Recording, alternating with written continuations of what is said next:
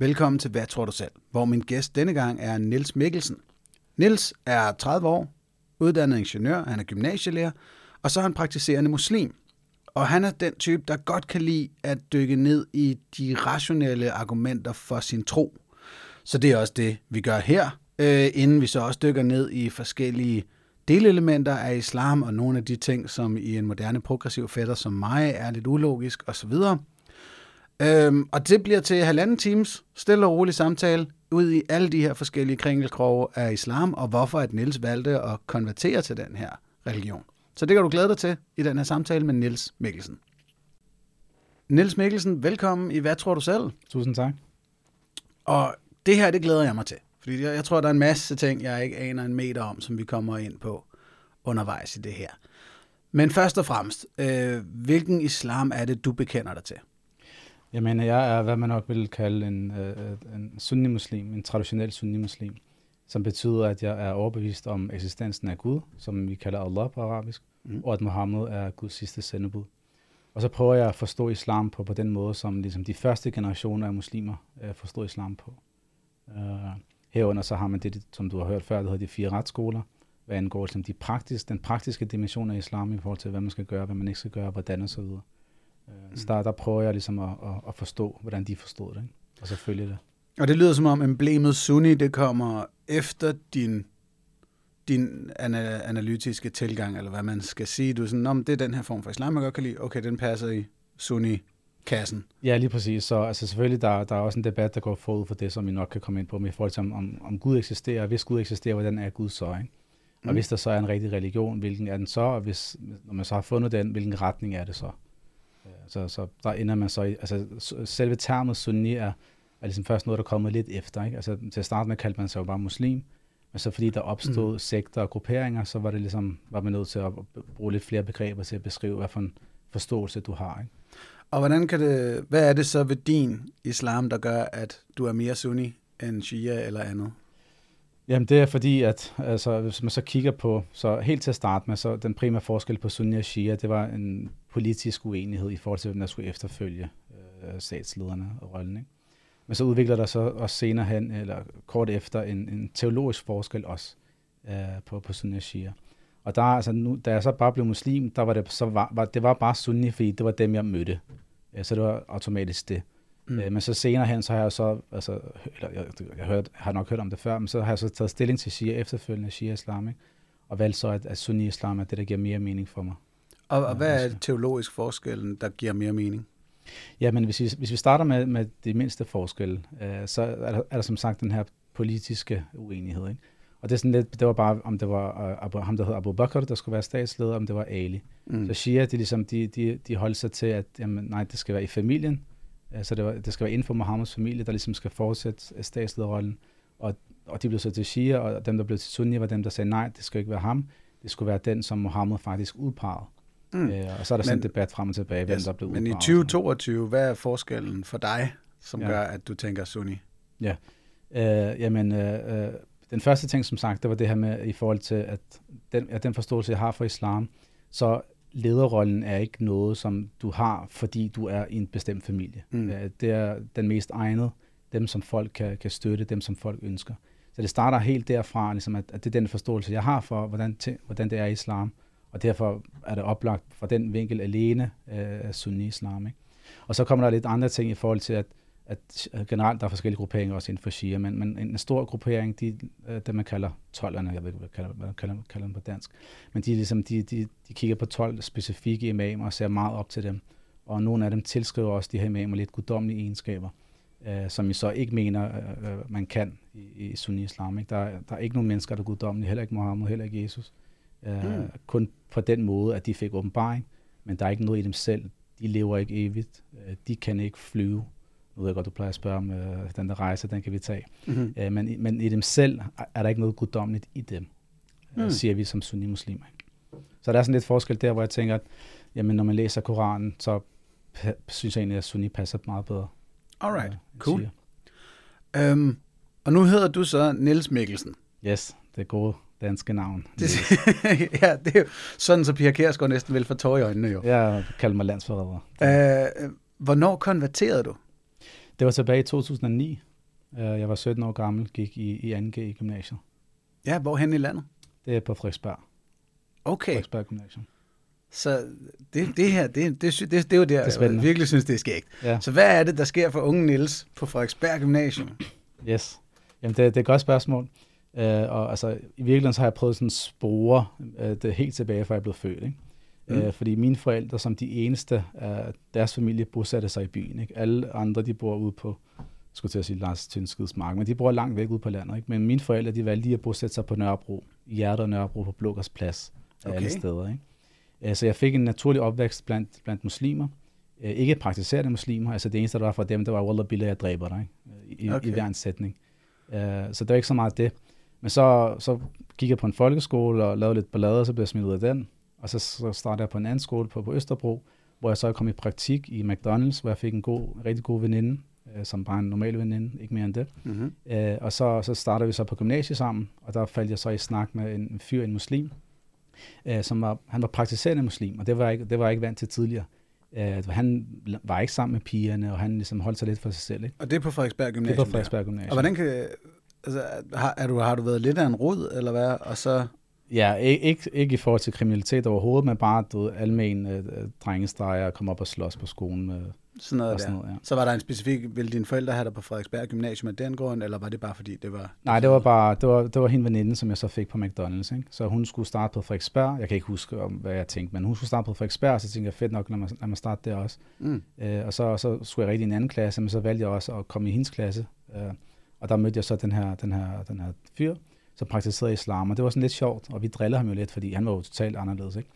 Men, men når jeg så faldt i snak med ham, så vækker du nogle, nogle, nogle tidligere tanker frem, som jeg har haft, siden jeg var ret lille, øh, i forhold til de her livets store spørgsmål. Ikke? Sådan spørgsmål, som, og som stadig slår mig i dag, for eksempelvis, hvorfor eksisterer der noget frem for ingenting?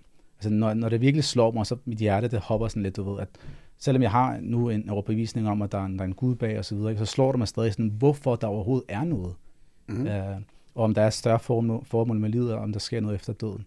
Det er sådan nogle ting, som jeg var ret lille. Jeg kan huske, da, da, min, min, da min farfar døde, øh, det var den eneste bedsteforælder, jeg havde. Jeg, øh, eller jeg har, altså jeg havde to, både- bedstefar, og, eller farfar og, og, og morfar. Ikke? Ja, man Hvor- har dem jo. Morfaren lever stadig. Uh, men min farfar så jeg ligesom dø. Uh, eller jeg så ham ikke dø, men jeg så ham død, da, da vi kom og besøgte. Ikke? Og jeg plejede at tænke sådan, prøv, prøv at tænke, hvis det nu var sådan, at man, fordi jeg, jeg er født af kulturkristne forældre, ikke? Så jeg har jo lært, at der er en sjæl og så videre. Altså, jeg plejer at forestille mig, prøv at tænke, hvis man kommer ned og ligger i, i graven, øh, og så for, kroppen den forsvinder med sjælen, den bliver liggende, og den kan ikke gøre noget. Og det var totalt skræmmende, fordi det værste som barn, det var at kede sig. Så jeg plejer at forestille mig, prøv at tænke, hvis sjælen bare lå der og kede sig uendelighed, hvor, hvor, hvor, hvor skræmmende det måtte være. Ikke? Mm. Så jeg ved ikke hvorfor, men jeg havde de her store, store tanker. Øh, og så når man starter, da jeg så startede gymnasiet, så var det ikke så meget det, det handler, det handler om. Det kan du nok øh, relatere ja. til. Altså, var du en dansk teenager, der hegnede dig til festerne og sådan noget der? Ikke så meget faktisk. Jeg prøvede det lidt, men jeg, jeg fik det, øh, det her det var før jeg overhovedet var interesseret i islam. Ikke? Mm. Så jeg fik det ekstremt dårligt af, af alkohol. Ikke? Okay. Øh, så, det sådan, så havde man det hyggeligt i, i en, en time eller sådan noget, og så hele næste dag, der lå jeg bare og havde lyst til at... Ej, det er jo sådan, min tømmermand er nu. ja. Så, så du har så bare helt- en 40-årig i en 16-årig krop. Ja, ja, så, så helt fra den gang, der, der sagde jeg til mig selv, hvad, det, det er ikke det værd. Så jeg var ikke sådan en stor du ved, tilhænger af det. Ikke? Mm. Uh, men med de her tanker, de kom så de kom tilbage igen. Uh, og så startede det så den her rejse, som så endte med at lede mig til islam. Ikke? Okay. Det var sådan, det hele startede. Så altså, begynder du at kalde dig muslim allerede, mens du går i gymnasiet? Ja, det gør jeg faktisk i, i 2G. Uh, så efter jeg falder i, i, i snak med ham her, uh, så sagde jeg til mig selv, okay, jeg har lært noget uh, af mine forældre. Men, men altså, os alle sammen forhåbentlig, så på et eller andet tidspunkt i vores liv, så stiller vi spørgsmålstegn ved det, vi bare har fået ind. Mm. Og så skal vi ligesom finde vores egen vej i livet. Ikke? Så jeg sagde til mig selv, okay, men lad mig undersøge, og for, først og fremmest, altså, om der overhovedet er en Gud. Altså det første spørgsmål, jeg nævnte før, ikke? det her med, hvorfor der eksisterer noget frem for ingenting. Mm. Det, det prøvede jeg at sige, okay, lad mig starte fra, fra bunden, jeg ved ikke noget som helst. Øh, jeg tvivler på det hele, og så lad mig prøve at finde svar nogle steder. Ikke? Og der var det så oplagt for mig at starte i, i naturvidenskaben, og- eller uni- universet, fordi jeg altid har interesseret mig for universet. Og det var ligesom den, den gængse øh, kilde til viden og sandhed i dag, det er den naturvidenskabelige metode. Ikke? Ja. Så, så, så jeg begyndte ligesom at undersøge, og så gik der, jeg kan ikke huske, hvor lang tid nu, men der gik nogle måneder, hvor jeg ligesom undersøgte og, og læste og, og, og så videoer på YouTube og debatter mellem troende og ikke troende. Altså jeg har virkelig nørdet mange af de der debatter Ja. øh, med, med artister og troende. Ikke? Øh, primært øh, kristne filosofer, fordi det er det, der har været mest af på, på YouTube. Der er ikke så mange muslimer, der, der gør det på YouTube. Så det har primært faktisk været kristne filosofer, der så har, har, har hvis argumenter, jeg har hørt og reflekteret over, øh, og endte så i allersidste ende med islam. Yes. Hvordan reagerede din familie og omgivelser og klassekammerater og sådan noget dengang? Min mor, hun spurgte, hvilken by jeg skulle springe i luften først. okay, så hun var ikke vild med det? Nej, øh, det var min far heller ikke. Og netop fordi der er jo netop en masse, som jeg så vil kalde misforståelser ikke, om mm. islam. Øh, og jeg konverterede som sagt i, i 2009, og det var, altså, der var 9-11 øh, en del år før, men så kan jeg huske svagt, at der var nogle efterfølgende terrorangreb. Jeg tror, der var i Madrid, og så var der et, et i London. Mm. Og jeg konverterede kort efter, eller ikke kort, jeg konverterede lidt efter, jeg tror, det var det i London, jeg er ikke helt sikker. Øh, og, og hver gang der er de her angreb, så starter debatten igen nu, at islam er terror, yes. og, og vi skal ud og tage, tage, tage, tage, tage afstand, og det gider vi ikke, fordi vi går til så mange gange. Og hele den debat, den, den ligesom kommer op. Ikke? Og det var, så, det var den kontekst, jeg, jeg konverterede. Ikke? Så det var min mors frygt, fordi man ligesom havde, man havde hørt, at jamen, der er dem, der, der går den vej. Mm. Øh, det, er så, det er så primært dem, der lever det ene ekstrem i forvejen, og så lige pludselig bliver de muslimer, og så er de helt over i det andet ekstrem. Ikke? Nu er jeg ikke det ekstrem, mm. men, men det, var, det var en frygt, hun havde. Og så svarede jeg så København, bare for at svare lige så, lige så dumt. Ikke?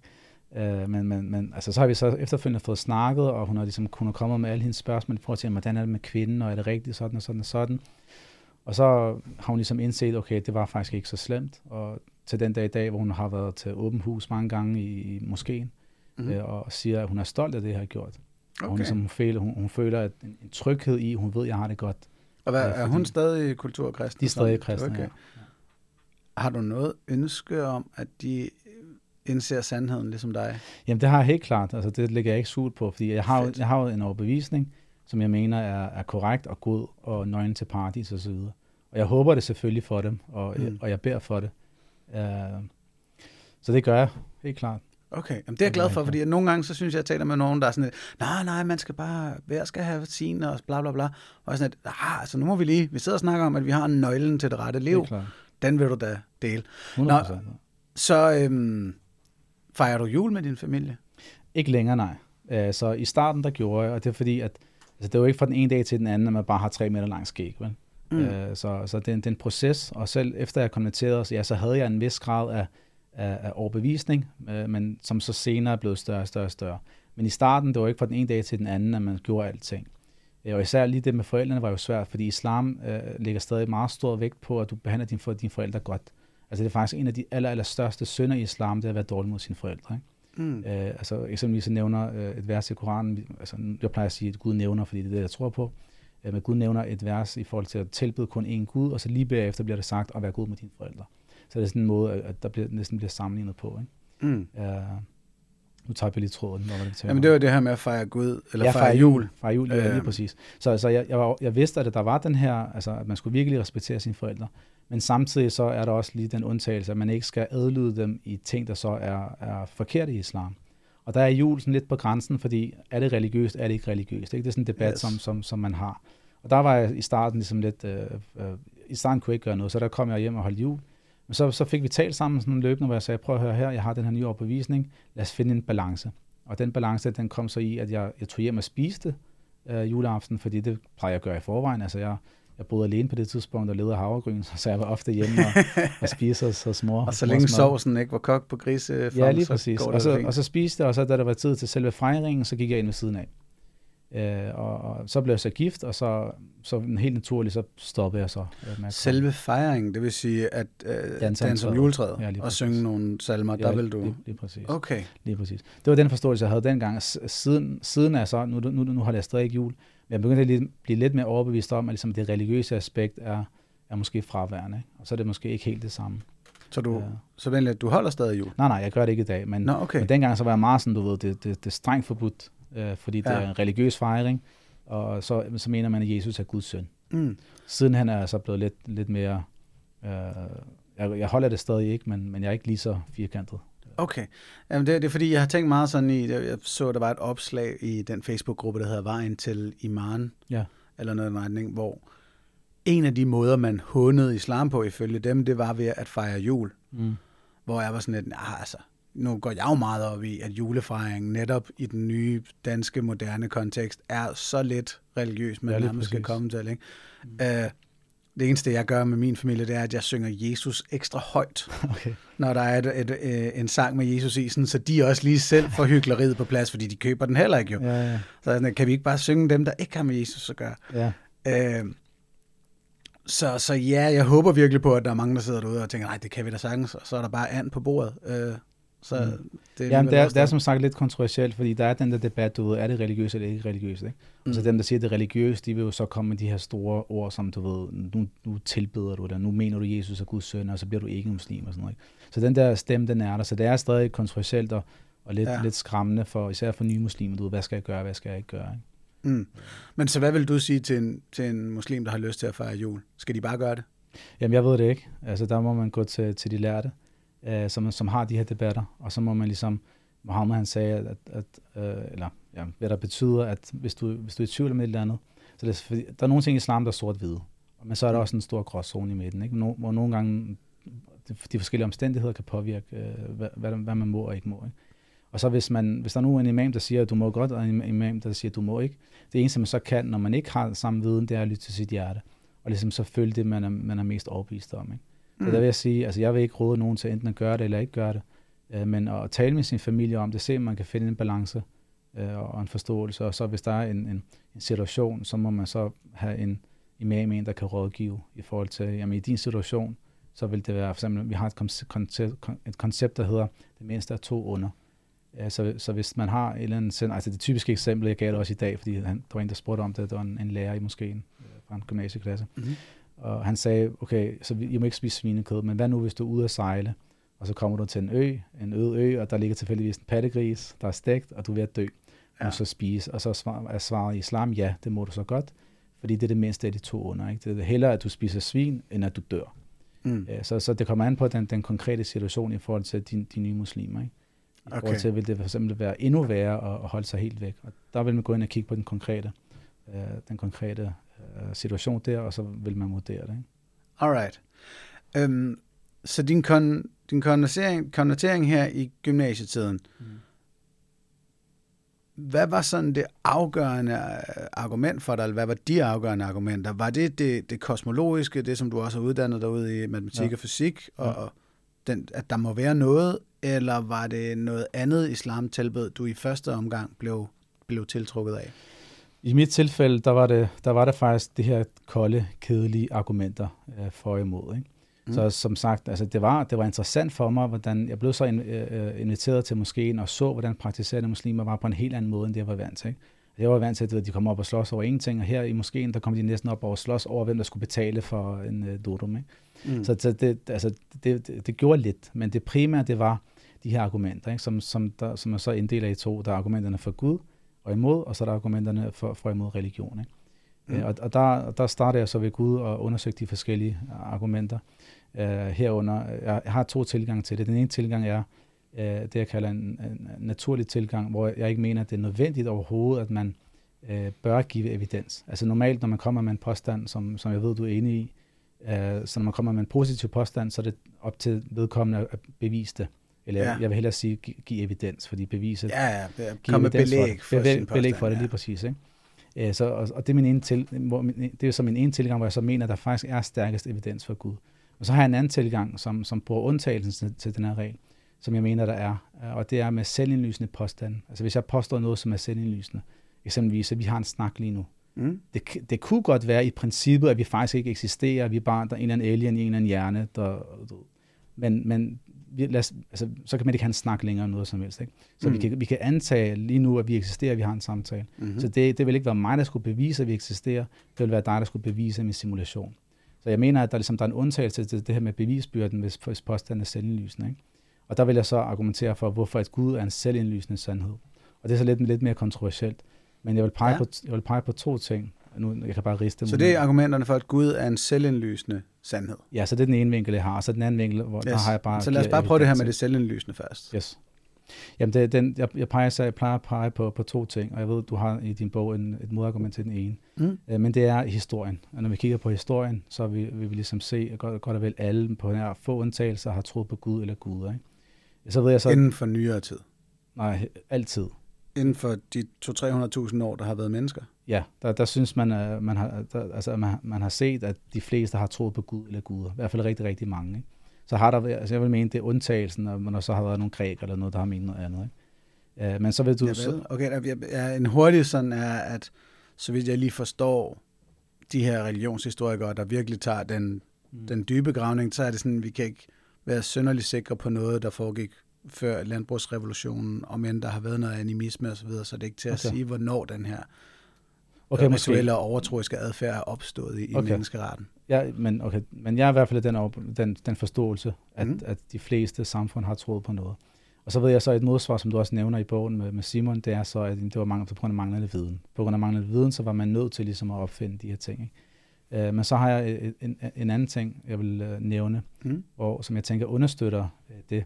Og det er, nu har jeg taget bogen ved mig, så går jeg væk fra mikrofonen. Og det var også en, din, din samtale med Akai, der talte, der talte I netop også om det her, ikke? hvor du sagde, at, at, at, at jeg skal ikke citere dig, jeg kan ikke citere helt præcis, men du sagde noget med, at, at troen på Gud ikke var naturlig, og han mente, den var naturlig altså i børn, ikke? og det er bare ja. naturligt for dem at tro på noget større. Og der er der faktisk noget interessant forskning af en, der hedder Justin, uh, hvad hedder han, Justin Barrett, jeg kan lige vise dig, vise dig mm. navnet bagefter, som har lavet et studie, jeg tror, det, jeg ikke huske, om det var for Oxford University til 20 millioner kroner, hvor han konkluderede, at det var netop naturligt for børn at tro på noget større. Det er simpelthen genetisk medfødt. Jeg ved ikke, om det er genetisk. Jeg tror, jeg har ikke læst, jeg har kun læst øh, noget af hans bog. Uh, men, men han, han har et argument i forhold til, at har noget at gøre med, hvordan hjernen udvikler, udvikler sig at, de, de, de, at det bare er naturligt for dem, og det er ikke noget, altså man skal ikke lære dem, at der er en, en, en gud eller en skaber eller en første årsag. Det er bare helt naturligt til dem. Det er sværere for dem at blive overbevist om, at der ikke er noget. Og det er så det, så, som, som samfundet efterfølgende kan gå ind og lære. Ikke? Mm. Altså, så, og som sagt, jeg har, det, jeg har hørt om de studier, jeg har ikke tjekket dem selv, eller hørt mm. om der er modstudier. Uh, men det stemmer eksempelvis også overens med det, Mohammed sagde. Han sagde, kullu mauluden juledu al-fidra som betyder, at hvert barn fødes på fædre, som er sådan en naturlig tilbøjelighed. Ikke? Så min, mm. ene, min ene tilgang vil være at tage den debat øh, i forhold til, at Gud er en selvindlysende sandhed. Det er naturligt for børn. Historien viser det. Og derfor behøver vi ikke at bevise eller give evidens for Gud. Ikke? Ja. Og det er så den bløde tilgang, og så er der sådan en hård tilgang med, godt lad os kigge på evidensen, og lad os kigge på argumenterne. Ikke? Ja, så, så hvis den her første, hvis jeg sådan prøver lige at tage en eller anden øh, naturalistisk skeptiker på den. Mm. Og du er også velkommen til at hive bogen frem, hvis du vil. Ja, ja. Øhm, altså den her medfødte ønske om, at der er en, en skaber eller en årsag, en, hvad skal man kalde det, et eksistentielt sikkerhedsnet måske også. Mm. Øhm, at der er en eller anden sammenhæng, mening med den her eksistens hænger vel meget godt sammen med vores øh, overlevelsesinstinkt. Altså, der skal nemlig yes. også være en grund til at blive ved med at leve jo. Yes.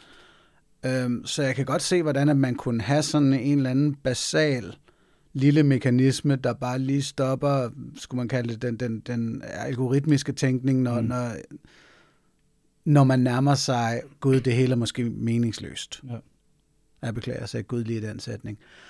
Øh, fordi det er der, hvor at den eksistentielle angst kan blive så voldsom, at man tænker, så kan jeg også bare begå selvmord. Mm. Altså, der er hele tiden brug for at være en årsag til at være her. Ja. Og jeg kan snilt forestille mig, at man fødes med et eller andet primært jamen, overlevelsesinstinkt, ja. som vel godt kan, vil jeg så sige, forvirres med en Gud, men kan ja. være en Gud, der vidderligt ja, ja. bare lige har printet en, derfor skal du Ja, altså jeg, jeg er helt enig, at nu har jeg ikke læst hele hans bog, og jeg ved, at han har et, et kapitel om ateisme også. Jeg ved ikke, om han, om han argumenterer for, hvorfor det ikke kan være evolution.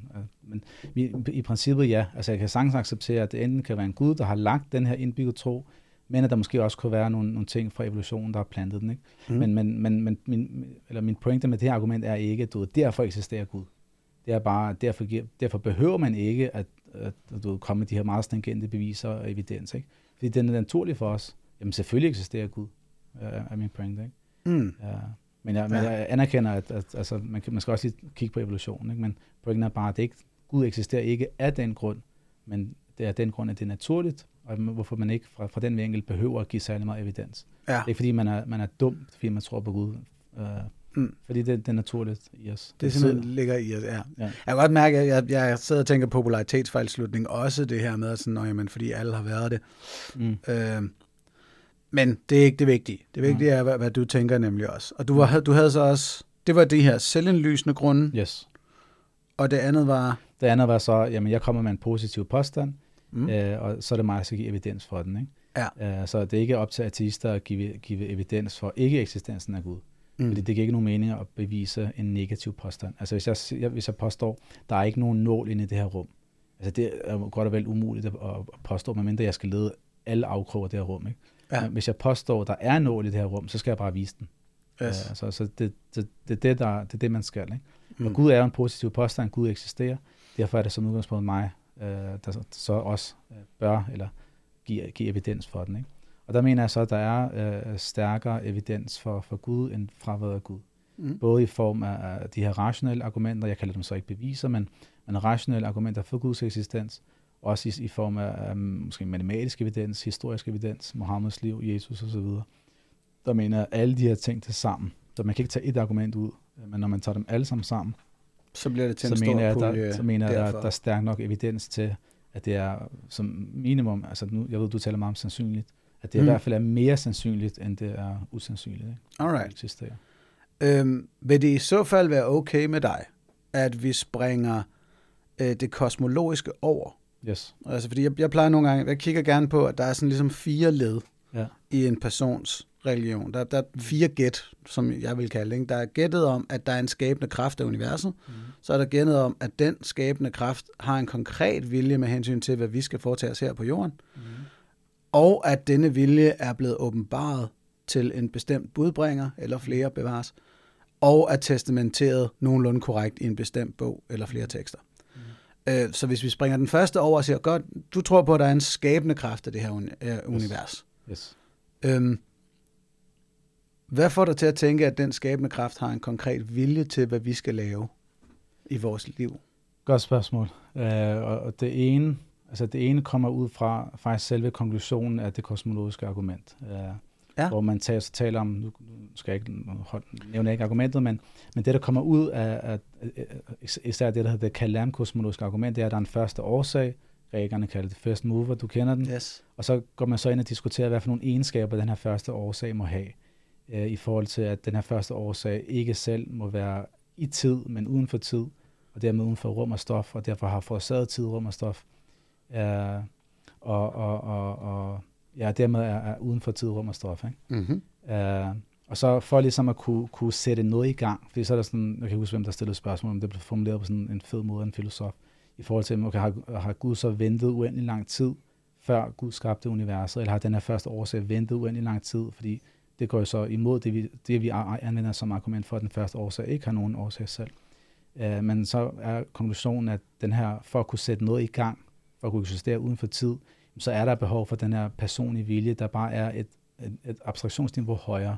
Altså det giver mening for, at den her første årsag var en eller anden energi eller naturlov, der bare altid har været der. Fordi den kan ikke sætte noget i gang, så at sige. Den kan ikke gå fra ikke-tid til tid. Uh, Wait, wait, Så wait, det wait. Nu, nu er jeg tabt igen. Undskyld. Så, ja, så, så, første årsagen kan ikke sætte noget i gang. ja, så den første årsag, hvis det bare er... Uh, altså, man, man kan nå frem til, at, at den, den første årsag ikke selv har nogen årsag. Det er det, der hedder den uendelige regress. Ikke? Fordi hvis man siger, okay, hvem skabte så Gud, eller hvem skabte skaberen, den første årsag, så kan man spørge, hvem skabte den, Yes, yes, som skabte den. Gud er der bare. Vi når til en, en første årsag, ikke?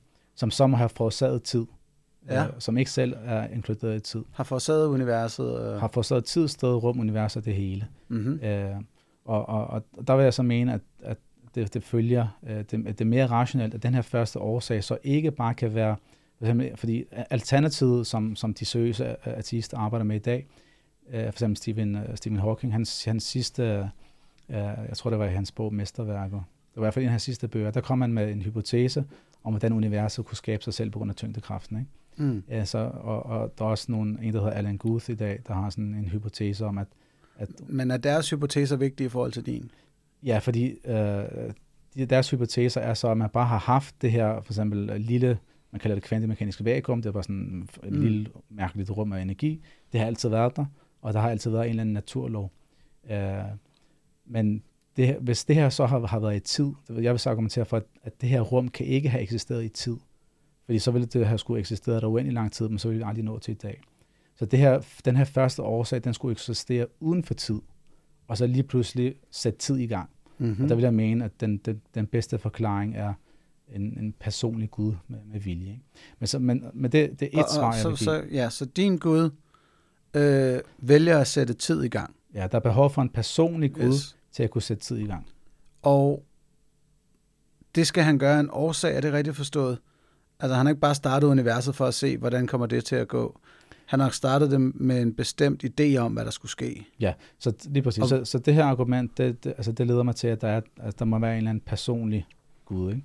Øh, som så har, har, har, har startet øh, universet. Og så tænker jeg, så må der netop være et formål. Okay.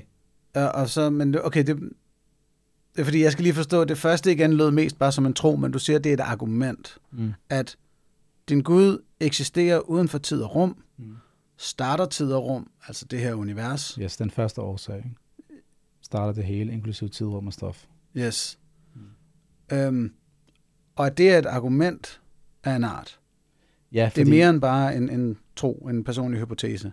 Øh, altså, det, jeg vil mene, det er et rationelt argument. Ikke? Fordi der, der er behov for en, en agent til ligesom at, at sætte, det her hele, sætte alt det her i gang. Fordi en, en naturlov i sig selv, som er alternativet, mener jeg ikke har nogen skabende kraft. Det er bare en naturlov. Men i, og i virkeligheden, mm. altså, når, når vi taler om naturlov, så i virkeligheden ved vi jo ikke, om der er noget, der hedder tyngdekraft, der eksisterer. Vi har bare observeret, at ting falder ned, Yes, og så, yes. Så, Men- kan men- det naturlov. Ikke? Men i forhold til netop det, er- et stort, fedt spørgsmålstegn, som jo er mit alternativ. Mm. Det, eller det, jeg bruger, det er bare, når man de der mikrosekunder, whatever det er, vi ikke ved, før en The Big Bang, ingen freaking idé, Mm. arbejder ikke med det. Øhm, at du så arbejder med det, er jo, jeg kan ikke se, det er et argument imod det andet. Det er blot din hypotese. Ja, ja altså lige, lige fra, fra, det her, fra den her vinkel alene, så ja, så er der, der, to, der, der er de to hypoteser. Ikke? Øh, At, at, at, vi, at der var, jamen, okay, der var det her, og så lige pludselig så skete der et eller andet med, ikke hvad, og så fik man universet i gang. Ikke? Mm-hmm. Og så er, der, så er der min hypotese, som så personligt for mig giver mere mening, ikke? at der er behov for den her personlige agent. Og det var, det, ligesom, det var, og det var så det ene svar på det her, hvorfor den her Gud må være personlig. Og det andet er så at kigge på religionen. Ikke? Så, så ser man på de religioner, der er, islam, kristendom, og så kan prøve man så at argumentere for, jamen, Yes. den er sand, og dermed må der, må der være en personlig Gud. Okay, så det, jeg kan godt lide det her. Så, så vi var i del 2, det her med, hvorfor har skaberen en vilje? Der tænker du, jamen, hvorfor han, han, har, han har skabt det. Mm. Og det har han gjort af en eller anden årsag, netop den vilje, han har. Mm. Godt. Så er vi del 3, åbenbaringen af hans vilje. Som jo du så mener, at, at Mohammed var den sidste, der fik det sænger fra den skabende kraft af universet. Yes. Og hvad får dig til at tænke, at den åbenbaring er god nok? God nok. Altså, at det er rigtigt. Okay, er det rigtigt? Okay. Ja. Uh, jamen, min, min, min næste uh, mit skridt er så, efter jeg ligesom har er nået frem til, okay, der må være den her personlige Gud, så tænker jeg, okay, hvis der eksisterer den her, den her personlige Gud, jamen så er den jo Gud, den Gud på en bestemt måde. Altså så må der være en Gud, den er, en måde, den Gud er på, og så må andre måder være forkerte. På samme måde som dronning Margrethe. Hun er jo på en bestemt måde, og alle de andre måder, man kunne foreslå, må så være forkerte. Ikke? Mm. Så hvis der er en Gud, så er, der en, er det en Gud på en helt bestemt måde. Og hvis den Gud så har åbenbaret sig til menneskeheden, og det giver mening for mig, øh, så, må, så må der jo så være en religion, der er sand, og de, alle de andre må så være, være, være forkerte. Ikke? Så og det, og det er ikke et argument som sådan, men det er bare intuitivt, ikke? at hvis jeg skaber et eller andet, eller Ja, forældre... kun en af dem kan være god nok. Det ja, ja, enig men med også bare det nødvendigheden for åbenbaring. Altså hvis jeg skaber et eller andet, eller føder nogle børn, altså når man er en skaber eller en producent af noget, så vedlægger man en manual med, eller man, altså det er ikke bare fordi, man, selvfølgelig der er undtagelser, men man føder bare børn, og så går man. Eller man, mm. man laver en eller anden, producerer en telefon, og så går man. Så er der en manual, der er en, der, der, der er en Jamen, det åbenbaring det- af skaberen. Ikke? Så Men det var mening. behovet for det. Yes. Så hvorfor den her åbenbaring? Okay, hvorfor, så, hvor, hvorfor, så hvorfor hvor, islam-manualen? yes. Og det er så også, øh, altså nu bliver det, bliver det meget kort skitseret, ikke? men Mm. Men så er der også, nu er der så forskellige konkurrerende hypoteser. Ikke? Der er ateisme, der er agnosticisme, der er kristendom, der er jødedom, der er islam. Øh, og, og jeg har ikke undersøgt, de, hvor mange tusind religioner det nu er. Men jeg tænker, ved de argumenter, som, som jeg har talt lidt om, at der er den her ene personlige Gud. Øh, det giver ikke nogen mening, at der er flere at, ved at øh, argumentere for. Der må være én Gud. Og så er vi, øh, har vi øh, sorteret en del, især eks- eksempelvis polyteistiske religioner fra. Ikke? Mm. Og så er vi ved noget eller islam, jødedom og kristendom.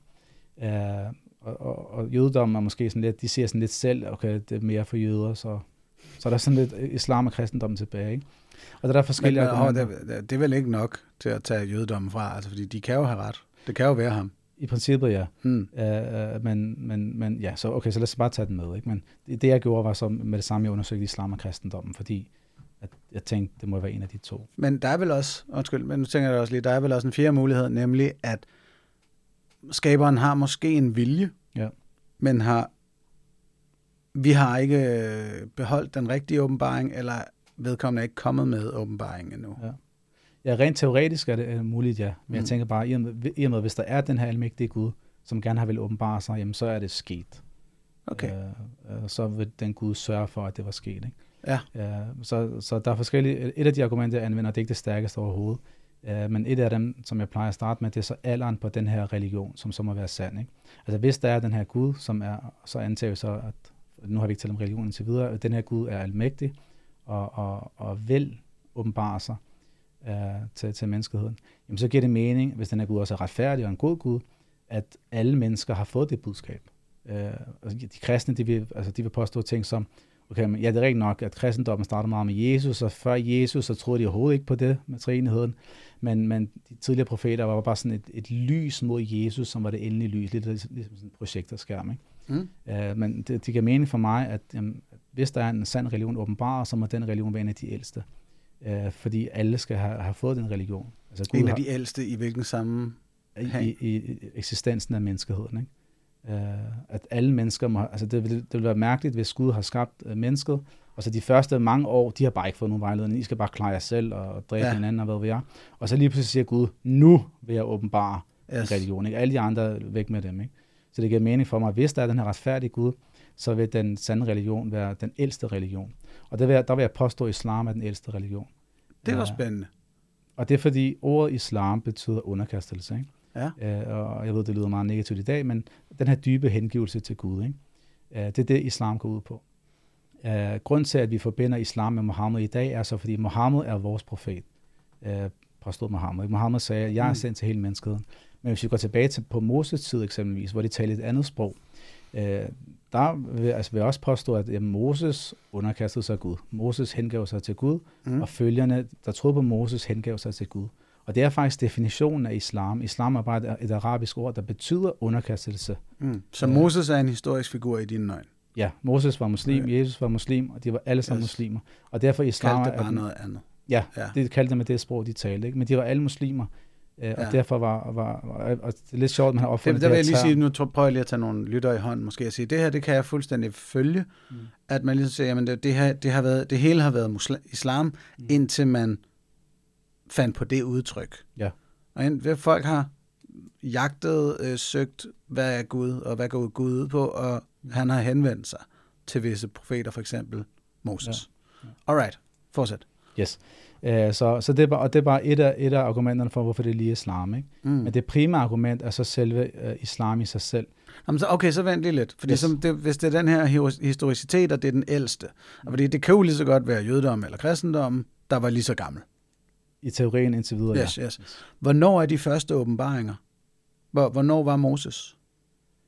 Øh, altså sådan aldersmæssigt, tænker du? Ja, fra, fra nu og tilbage, hvor- hvornår var han så? Det vides ikke præcis, øh, men jeg, Mm. altså, jeg vil tro, altså islam, der, vi går ikke så meget op i, du ved, jeg ved, at nogen i Bibelen, så går de meget op i at analysere her og der, og der er også enkelte muslimer, der har prøvet at gøre det og finde sådan et specielt tal i Koranen, ikke? Men, men, det, men det korte er, at vi ved ikke præcis, hvornår, men hvis man antager, at vi, man, man ved lidt om far, altså faraerne og så videre, ikke? så vil det måske være nogle tusinder år før Jesus, men Yes. det er ikke fuldstændig, Så en 4-5.000 år siden. Hvis, måske. Ja. måske. Det skal i hvert fald være efter, vi har opfundet skriftsprog. Jo. Yes. Øhm, mennesket har på det her tidspunkt eksisteret i 200-300.000 år. Mm. Så, så jeg formoder i din hypotese omkring, at, at Gud er kommet med åbenbaringer, at det har han gjort mange gange før, hvor vi yes. Måske bare ikke har fået dem overleveret, Yes. fordi der ikke var skrift. Yes. Så vores jæger samler forfædre, som udvandrede fra Afrika, nå ja, det, det har vi ikke lige været inde på, men du, du tror på evolutionsteorien i vid udstrækning, eller hvordan? Uh, det er lidt kontroversielt emne, og der er mange, der måske vil... Uh, der, jeg, tror, jeg tror, der er mange, der ikke har undersøgt det nok, men min egen position er, uh, jeg, jeg synes, det er mærkeligt, det her med, at en art er blevet til en anden art. Det betyder så ikke, at det ikke kunne have forestået, uh, altså, Mm. mm. sket, men det er mærkeligt for mig. Men jeg har dog den undtagelse, så altså, det korte svar er, jeg, jeg kan sagtens acceptere evolution. Jeg har bare lige den undtagelse, at Adam og Eva nok var et mirakel. Alright.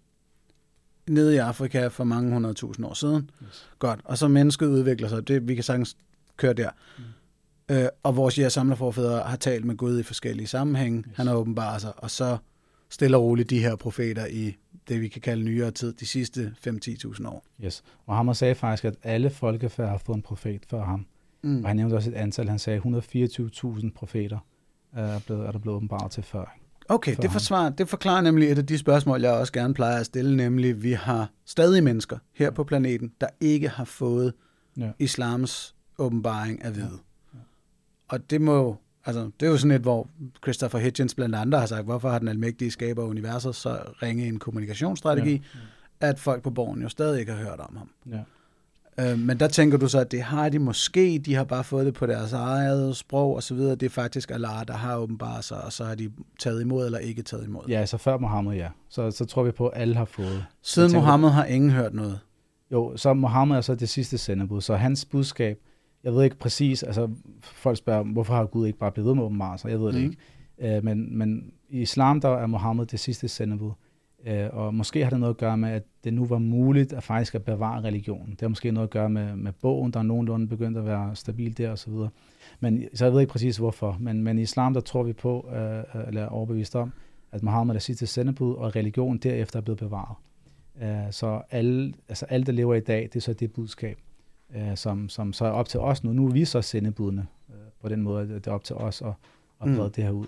Men Gud er samtidig, øh, tror vi på, eller nu siger jeg tro, men det, yes. det, det er normalt at sige tro, men det er mere end tro. Bare lige. Det er en overbevisning. Yes, så, men, ja, så vi tror på, eller overbevist om, øh, som Gud siger i Koranen, øh, at Gud ikke stiller nogen til regnskab, hvis de ikke har fået budskabet.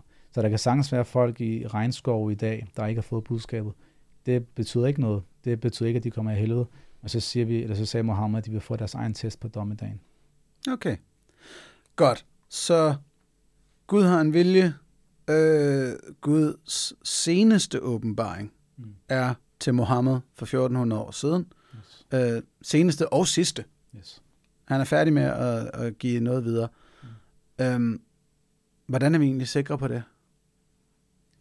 At, altså, at Gud ikke vil åben? Ja, at det var den sidste gang. Øh, jamen, vi tror på det, Mohammed ligesom sagde. Ikke? Okay. Mohammed, Mohammed sagde, nu kan jeg ikke lige huske udtalelsen på arabisk, men han sagde, han er, jeg tror han sagde, al-akhir. Fordi hvordan, som den sidste. Okay, fordi hvordan afgør man det? Fordi nogle kristne siger jo også, nej, nej, Jesus var den sidste, så derfor må Mohammed være vrøvl. Ja, øh, så, så, så går det så tilbage til at lige argumentere for, om det er kristendom, der er mest autentisk yes, islam. Nej, så skal vi, det skide godt, så er vi der tilbage. Ja. Og så vil jeg så argumentere for, at det er islam, og det er derfor, at det Mohammed siger, der er det endelige, og det, og det, det, det gyldige. Og han sagde mm. meget klart, og Koranen nævner også et vers, jeg kan ikke lige huske det på arabisk heller, uh, men at, ligesom, at han er profeternes sejl bliver der nævnt i Koranen, mm. som den, den sidste profet. Ikke? Yes. Men uh, her ved du selvfølgelig godt, også som, som videnskabeligt tænkende menneske, jeg er meget ligeglad med, hvad Mohammed sagde, eller Koranen siger, mm. som bevisførelse for, at det skulle være islam. Det, cirkelslutninger kan vi ikke bruge til noget. Så hvad får dig til at tænke, at det er islam, ikke kristendom, eller nogen som helst andre? Jeg vil ikke sige, at det er en øh, cirkelslutning. Altså, oh, det er vel en cirkelslutning, at der står i bogen, at bogen er det rigtige. Øh, nej, nej, det er ikke det argument, jeg lige, øh, lige uh, nævnte her. Altså, de, de spørgsmål var i forhold til, hvorfor Mohammed er, er den sidste. Og ja, så nævner jeg, det, det, det bogen siger, det Mohammed siger. Men så har jeg så for inden argumenteret for, hvorfor det bogen, Mohammed siger, så er sandt. Ikke? Det er det, jeg gerne Så det er ikke høre. en cirkelslutning som sådan, men, men jeg, jeg, Jamen, jeg vil gerne høre det, som ikke er cirkelslutning. Ja, altså argumentet for, hvorfor det lige er islam. Jeps.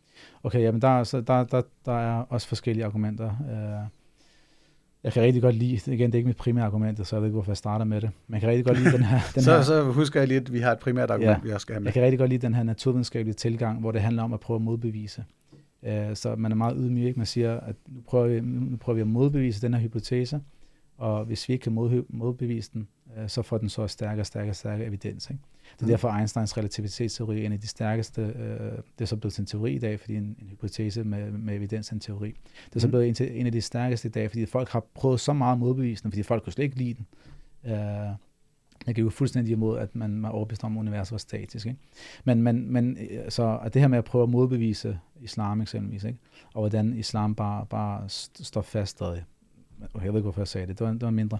Men, men, der er et, det er men cool. min pointe er, at jeg har ligesom, jeg, jeg tror, jeg har fire-fem forskellige, som, som til sammen øh, giver den her stærke evidens. Men de to primære argumenter, øh, det er uh, Koranen i sig selv, og så Mohammeds liv. Uh, så hvis vi starter med Mohammeds liv, Mm. uh, altså vi, vi antager, og det kan vi godt gøre, fordi det er stærk historie, at Mohammed eksisterer. Og at Mohammed, altså der, der er nogen, der siger, at Jesus levede ikke, og Mohammed levede ikke. Det synes jeg godt, vi kan fjerne. Jesus han levede, Mohammed han levede. Og Mohammed påstod at være profet. Mm. Uh, det, det, altså det siger historien. Ikke? Og så, så, så, er der enten, så er der tre muligheder. Enten talte han sandt, eller også løg han, eller også var han sindssyg. Øh, og, Yes. og det var det, som de, altså kristne på det tidspunkt, deres første modsvar, det var, at han bare havde epilepsi, epilepsi, epilepsi og han var sindssyg osv. Mm. Mm. Men jeg mener, hvis man skal være intellektuelt ærlig, så det her med, at han bare var sindssyg, det giver ikke nogen mening, når man ser på, hvordan han var, og de ting, han sagde i Koranen osv. Så øh, som min ven Omar øh, vil sige, det intellektuelle dovenhed bare påstod, at han var sindssyg, uden nogen tegn på det overhovedet. For der er ikke nogen tegn andet, end at når han, der kom åbenbaring til ham, så rystede hans krop. Men altså, det er ikke et tegn på, at han er, er sindssyg. Så enten talte han sandt, eller også øh, løg han. Mm. Og når man så kigger på hele hans liv, øh, så, så synes jeg, der, der, der er mange episoder, der viser, ligesom, at, at han har den her sandfærdighed. Alt fra, hvordan han var kendt som øh, en sandfærdig person før, hvordan stammerne kom til ham, når de havde problemer, at han aldrig løg. Øh, og også ting efterfølgende, som eksempelvis øh, bare en af, en af episoderne, det var, der var en, jeg kan huske, om det var en solformørkelse eller måneformørkelse på et tidspunkt, øh, den dag, hvor Mohammeds, øh, jeg tror det var, øh, søn døde, og så kom folk ligesom og sagde, øh, prøv at se, månen eller solen formørker sig for Mohammeds barns skyld. Og der kunne han, hvis han var den her døde, øh, falske profet, bare sige, ja, jeg se, det, det gjorde den. Ikke? Men så sagde han, nej, det har ikke noget med mig at gøre. Og- Fordi han vidste, at vi vidste, at hvis han var falsk, så ville han sige det andet, eller... Ja, men nej, altså, jamen, hvis han var falsk, så an, altså, antagelsen kunne være, at så vil han bruge det ligesom til at, fordi vi- der er jo forskellige studier også af, af så at sige, falske profeter i dag, og, hvor man ser, altså nogle, mange af de her USA for eksempel, ikke? så har du de her communities, hvor du har en eller anden profet, Mm. og så, så, har, så har man ligesom set nogle ting, der går igen i forhold til, hvordan de er, og hvad de gerne vil have. Og, og det her med, ligesom, at, at han ikke udnytter sådan en ting her. Og, og mange andre lignende episoder, hvor at, at hvis man var falsk profet, så ville det give super meget mening, at man udnytter de ting til at sige. Men han sagde altid, nej, jeg, jeg er ikke noget værd, og, og, og sådan og sådan og sådan, I skal ikke prise mig, og, og, og så videre. Uh, så men, men igen, jeg nævnte bare et, et par ting fra, Og, fra og det er be, et, et, et belæg for dig, for Ja, altså at han var hans- god nok i de her meget ekstraordinære påstande, han kom med. Ja, så jeg mener, når man kigger på hele hans liv, altså alle aspekter, også ja, der var mange krige dengang, ikke? Øh, og han var den forreste på slagmarken eksempelvis. Ikke? Og hvis man du ved, var en falsk profet, og bare havde opfundet en eller anden religion for en eller anden gavn, altså, så vil jeg sende folk i krig for mig Hvordan ved vi, at han var den forreste? fra historien. Hans, hans ledsager, der, der sagde, at de gemte sig bag Mohammed på slagmarken. Altså, de var, de var bange, og, og så var de bag regner ham. vi med er... Ja, vi antager, ja. de, altså de islamiske, eller de muslimske lærere har gjort en, en meget stor, stor uh, effort i forhold til at bevare historien, ikke? Og, og, og har Ja, lavet stærk his, altså, historievidenskab. Altså, hvor, meget stoler vi på... Det, det er bare lige hurtigt, meget hurtigt sådan mit lægemandsindtryk af Ja. islamisk historisk forskning er sløjt. Mm. Fordi når nogen kommer med noget kritisk, så bliver de skældt ud hæder og ære i en vanvittig grad. Altså for nylig, der er nogen, der fremme og tale om for eksempel en hypotese om, at Mohammed måske aldrig havde eksisteret og var en konstruktion. Mm. Snarere end at indgå i en eller anden form for intellektuel debat omkring det, så var det bare din vantrohund ja, tilgang. Og det, og det, og det, det, det, giver, det giver en mand som mig et meget lidt tillid til den historiske islamiske forskning. Ja, og Bliver den- du nogensinde ked af den slags? og den tilgang, ja, og det vil jeg helt klart være uenig i. Altså, jeg synes ikke overhovedet, man skal bruge andet end, end, end ord til ligesom at argumentere for, for de her ting. Ikke? Mm. Og der mener jeg helt klart, at måske hvis du har talt med, de, med nu, er jeg, nu er jeg ikke selv islamisk historiker, men hvis du taler med islamiske historikere, så kan de tale i timevis om, hvordan, de har ligesom, hvordan historien er, er ret autentisk, ikke? og hvordan vi kan være øh, ret Men- sikre på, men på samme måde som al anden historie. Ikke? Men, men det er jo netop der, hvor at, at det er jo ligesom, når jeg taler med folk om Jesus' historicitet. Ja.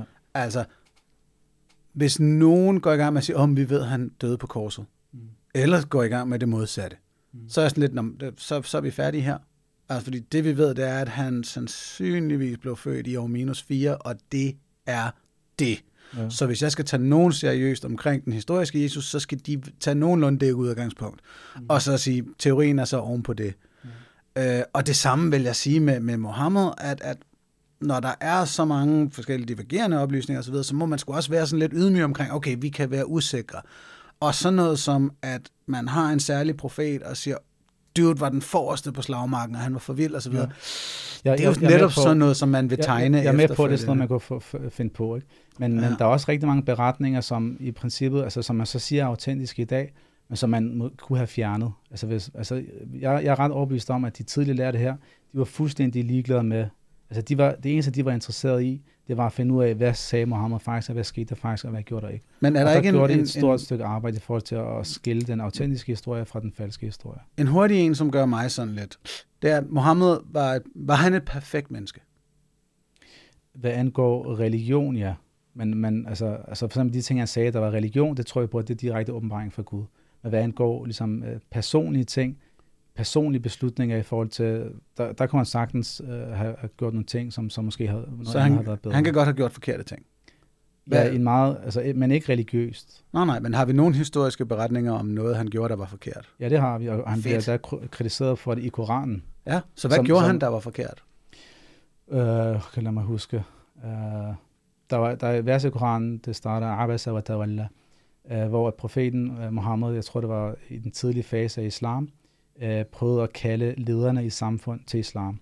Og så kom der en blind mand til ham, som var muslim i forvejen, som søgte hans hjælp, øh, nogle spørgsmål eller eller andet, hvor han ligesom, han, han vendte sig væk fra den her blinde mand, fordi han fokuserede på, på, på de her ikke-muslimske øh, ledere. Ikke? Mm. Og det blev han direkte kritiseret for øh, i Koranen. Altså han tog den forkerte beslutning der. Der var også, øh, hvad jeg lige kan komme i tanke om, der var også en, der var også en episode i forbindelse med noget krig, øh, hvor, han, hvor han tog en beslutning, og så kom en af hans øh, tætte ledsager og sagde noget, øh, hvor Koranen så også rettede ham, at han skulle have lyttet til ham i stedet for. Mm. Øh, så der er forskellige ligesom, øh, episoder. Øh, og det er derfor, øh, og med- at, at jeg også føler, at altså, der er også, og det har vi masser af, altså, øh, af de her beretninger, så jeg føler ikke, at, at man behøver at frygte, at de har du ved, fundet på nogle ting selv, fordi de har gjort et stort stykke arbejde, og i meget af det, de siger, der er autentisk, der er der en masse, man kunne bruge imod islam. Så hvorfor ikke bare Ja, altså man kunne sige, var- at manden var ikke perfekt. Det, Ja, det er meget fedt at lige få på plads, at Mohammed var ikke et perfekt menneske. Øhm, Altså, ja, altså, jo, han var perfekt, men i personlige valg, der kunne han sagtens tage nogle fejl. alright, så han var perfekt trosmæssigt. Yes. Alright.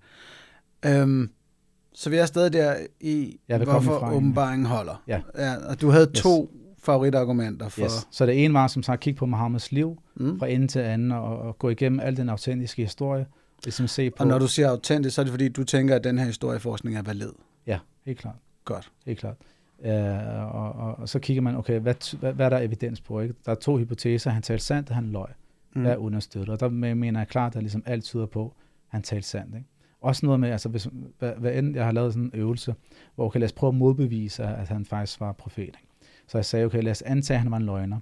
Og så lad os prøve at kigge på, på forskellige motiver, en person kunne have på daværende tidspunkt for at opfinde sådan en religion. Mm. Det kunne være damer, det kunne være penge, det kunne være magt, det kunne være og så videre. Og så, når man, men når man så går igennem hans liv, så ser man, hvordan de her ting bare ikke... Altså, han blev tilbudt damer, han blev tilbudt penge for at stoppe med at, at komme med sit budskab. Han skulle bare lige acceptere deres skudder også. Araberne, de var politister, ikke? Men han fik vel også magt ud af at beholde sin egen. Øh, jo, men altså, hvis det bare var magt, han ville, og øh, en, en let øh, øh, tilgang til magt, så kunne man måske bare sige, ja, giv mig alt det der. Ikke? Men der sagde han nej, og han var fattig. Altså, før han, øh, han var profet, der var han faktisk en, en velstand. Og så efter han blev, blev profet, så gik, gav han alt væk og, og var fattig. Ikke? Så, Så, men, men så da han erobrede land og så videre, blev han ikke der rig og magtfuld. nej, aldrig. Altså, øh, øh, på, på Mohammeds side øh, siger de lærte, at de krige, der, der var, det var primært defensive krige, eller, eller nogle angrebskrige, men hvor der var en reel trussel. Så det var først efter Mohammeds øh, øh, tid, øh, liv, at man øh, øh, spredte, at, at, at muslimerne erobrede. Så han blev fattigere og fattigere af at udbrede islam. Yes. Men islam, han lykkedes med at udbrede det, ikke? Jo, helt klart. Det han. Så min pointe er bare, ligesom, at når man, altså, når man kigger på de her motiver for, hvorfor han kunne lyve, hvorfor han kunne have løjet, jeg synes bare ikke, der er ikke noget i hans liv, der, der, der, der tyder på det. Ikke? Mm. Så, og så vil jeg så sige, at jamen, det resterende er så evidens for, at han talte sandt. Så det er det ene argument, at ligesom kigge på hans liv. Og så det andet argument er så Koranen i sig selv, ikke? Og, og det er måske det stærkeste argument. For Koranen påstår, det er Guds ord. Og hvis man kigger på mulighederne for for forfatterne, ikke? så enten var det Mohammed, eller enten var det en eller flere araber, eller også var det en eller flere ikke-araber, eller også var det Gud, eller også var det et eller andet overnaturligt Mm. engel, man ved ikke, hvad der var. Ikke? Øh, og igen, så, så, så kan man kigge på de forskellige muligheder. Og der, der synes jeg, efter studier, undersøgelser og refleksioner, at det står klart, at Koranen ikke kunne have været forfattet af en mand isoleret i Arabien for 1400 år siden. Dens, dens litterære niveau, dens indhold af idéer, dens øh, øh, vers, der muligvis handler om universet, det hele på en gang, synes jeg ikke giver nogen mening, øh, at det skulle stamme fra en mand øh, for 1400 år siden. Eller Koran, flere mænd. Eller flere mænd. Så Koranen, mener jeg selv, har ligesom en guddommelig karakter, som skinner igennem, når man læser den. Og, og det er de her klassikere med, at øh, den er litterært vildt god. Altså, det, det er virkelig exceptionelt godt skrevet. Mm. Ja, så det er et af det. Det er et af de, øh, det vi kalder Korans mirakler. Ikke? Uh, at vi, vi tror på, at, at, at udover Gud åbenbarer sig til profeter. Mm. Uh, og det, så, det er sådan noget med, undskyld, det er fordi vi, jeg ikke kan arabisk, fordi når jeg læser den på dansk, så læser jeg en uh, enormt redundant gang blar nogle gange, uh, hvor jeg tænker, hvad fanden foregår der? Men det er, fordi jeg ikke kan arabisk. Og ja, så der er, der er en dimension, af, som er, er, er, er væk på grund af det arabiske. Ikke? Men hvis jeg øh, øh, hvad var det? Jo. Så vi tror på, at, at Gud, udover at han har åbenbart sig til profeterne, så har han også givet profeterne mirakler. Mm. Øh, fordi, øh, og apropos de, de spørgsmål i forhold til at stige til vers, ikke? Nå, nå, øh, nå, men lad os lige men, blive ved Koranens kvalitet. Ja, jamen, jeg, jeg er der, jeg er der. Nå, okay. Det er bare lige, lad mig lige lave den der. Yes. Øh, så, så vi tror, altså hvis jeg kommer og sagde til dig, at jeg var profet, så vil du sige, det tror jeg ikke på. Mm. Øh, og, men hvis jeg lige pludselig for eksempel fik dig til at svæve, gør sådan her, eller andet, ikke? Øh, og du så nogle tegn eller nogle mirakler, så vil du måske være mere tilbøjelig til at tro på det. Ikke? Det kunne være, at du, du, du er meget skeptisk, så du vil sige, at det kunne være, at jeg havde men jeg, jeg skal bevise det på en eller anden måde, hvis jeg påstår sådan noget. Ikke? Mm. Og det er derfor, at man siger, at Moses mirakler, de mirakler, øh, Gud udførte igennem Moses, de har været relateret til, til den videnskab, som hans folk var eksperter i. Og på Moses tid, der praktis, praktiserede det sådan magi og synsbedrag. Så Moses mirakler har været relateret til det her. Og det er derfor sådan noget med, at du så smider sin stav, og så bliver det til en sten, eller han, han slog med en sten med sin stav, og vandet delte. Ikke? Så hans mirakler var relateret til magi øh, synsbedrag. På Jesus side, der praktiserede de medicin, det var de gode til. Så Jesus primære mirakler var, var relateret til medicin. Mm. Øh, han kunne helbrede de blinde og de spedalske, og endda de døde. Øh, så når folk ligesom så det her, og de godt vidste, hvad der var muligt med, med, videnskab, med deres medicin, så kunne de ligesom konkludere, okay, det er med mirakel. Ikke? Og på samme måde med, med araberne, de var eksperter i, i uh, retorik, linguistik og sprog og poesi og sådan noget. Ikke? Altså, de tilbød det nærmest. Karbaen i dag, som havde idoler før, før Mohammed, der, ligesom, der var noget, der hed al-mu'allaqat, som nogle digte, de hængte op, som ligesom, det var, det var konsensus om, de her digte, de er de bedste. Og det mærke til, at de, de hang på Karbaen, hvor deres idoler var. Så det var, altså de havde, ligesom de her battles, vi har i dag, du ved, Eminem og min mor, mm. det havde araberne dengang med poesi. Altså det var, det var ja. ikke bare, det er ikke bare sådan noget med, du ved, mit digt, det lyder godt. Altså det var virkelig en, en dybdegående videnskab. Jeg har snuset lidt til den i dag i forhold til, hvordan den poesi var. Det var virkelig en stor videnskab. Øh, og Koranen og Mohammed kommer så, øh, og i en alder af 40 år, og det var velkendt, at Mohammed ikke havde noget erfaring med det her, øh, kommer med Koranen, og, og det øjeblik, folk hører det, så selv de største poeter, de siger, nu er jeg muslim. Alene af bare at høre Mohammed recitere Koranen. Ikke? så, så det er argumentet med det, det, det litterære niveau, som, som, folk, som, som folk ja, ja, lamslået. Ikke? Ja. Jeg er ked af at sige det, men det, det, det lyder jo som sådan noget der kan sagtens være forskning bag, eller lignende, men det lyder som sådan et eller andet, et barn vil sige for at få ret i sin ting. Mm. Åh, oh, men der var nogle super svedige dudes, som opgav at være svedige, fordi mit svedighed var så vild, at de måtte overgive sig til, hvor svedig jeg var. Um, ja, det, det, var, det, jeg kan ikke lade tænke sådan. Men det var bare, altså, du skal se, du skal se på det, det var faktisk en, en, en, en super vigtig videnskab for dem, at de gik meget op i det her, ikke? Og altså, Koranen kommer jo selv med sådan en, hvad kalder man sådan noget? Ja, vikingernes skjalle var også øh, enormt... Øh, altså, Koranen nævner en udfordring i forhold til, okay, hvis I gerne vil modbevise mig, så skal I bare, øh, I skal bare komme med tre vers øh, på det her, det her litterære niveau, ikke? Og så skal og, og, nogle mennesker afgøre det litterære niveau? Ja, for de, de, de vidste jo, hvad det litterære niveau var i forvejen, ikke? Så det var nemt for dem at, at, at gå sammen og producere et eller andet, men i stedet for bare at prøve, så gik de i krig mod muslimerne i stedet for, ikke? Uh, men vi må formode, måske, måske har nogen også prøvet. Nå, never mind. Uh, måske ja, men der er ja. ikke noget, umiddelbart noget evidens på det. Men, men igen, det er, så, det er et af argumenterne i forhold til uh, det, den, den historiske del af, af det her. Ikke? Ja. Og så er, der, så er der andre ting, som, som uh, dybden af idéer, vejledning for hele menneskeheden, vers, uh, som, nu er jeg meget påpasselig med at tale om videnskabelige mirakler, fordi jeg mener, at der er nogle muslimer, der udnytter det lidt. Øh, men der er nogle vers, som, som i hvert fald fortolknings, når det bliver fortolket, eller kunne tyde på nogle, nogle, nogle, mm. univers, eller nogle sandheder om universet. Ikke? Som, som i den anden ende af det, så vil nogen vil jo pege på de mange vers, der siger, at jorden er flad, som en, et argument imod. Det er der ikke, det er der ikke i Koran. Det er der intet af? Nej. Okay, der, er så, nogen, så altså der, der, der, er faktisk der er to ekstremer. Der er de muslimer, der virkelig overdriver Koranen, den, den videnskabelige mirakler. Mm. Ikke?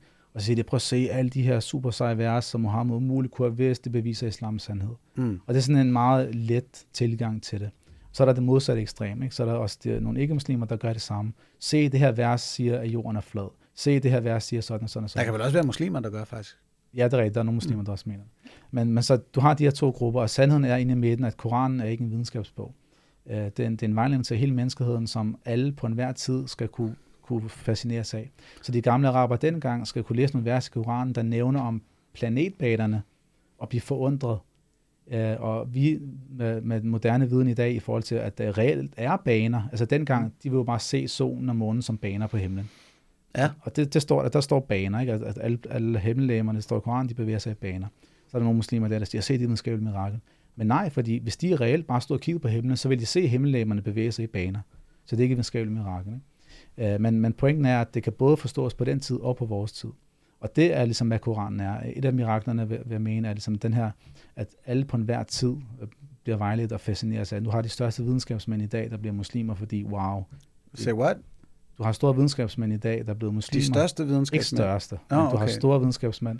Som bliver muslimer? Som bliver muslimer. Og så har vi videnskabsmænd, der bliver kristne, og videnskabsmænd, der ikke gør. Ja, ja men, men pointen, er bare, pointen er bare, at, altså, at, at, at der er et eller andet sprogligt, som gør, at både dengang og i dag kunne man fascineres af de her videnskabelige vers. Ikke? Og det er sådan, man skal bruge den. Man kan ikke bruge den, altså det her med, at den siger, at jorden er flad, ah, det gør den ikke. Den siger, at jorden er spredt ud. Mm. Øh, men hvis du, er, hvis du har en stor øh, kugle, og du er en meget lille Vil person... du medgive, at mange har læst den som, at jorden er flad? Jeg vil ikke sige mange, nej. Altså, okay. eller, muslimer eller ikke muslimer? Hvad taler vi om det? Det er hovedsageligt muslimer. Øh, der vil jeg sige nej. Øh, det er rigtigt nok, der er nogle klassiske lærte, som øh, øh, især dem, som man kalder mufassirin, altså dem, der forklarer Koranen. Der er der helt klart nogen, der har, så, har, har nævnt, at det betyder, at jorden er flad.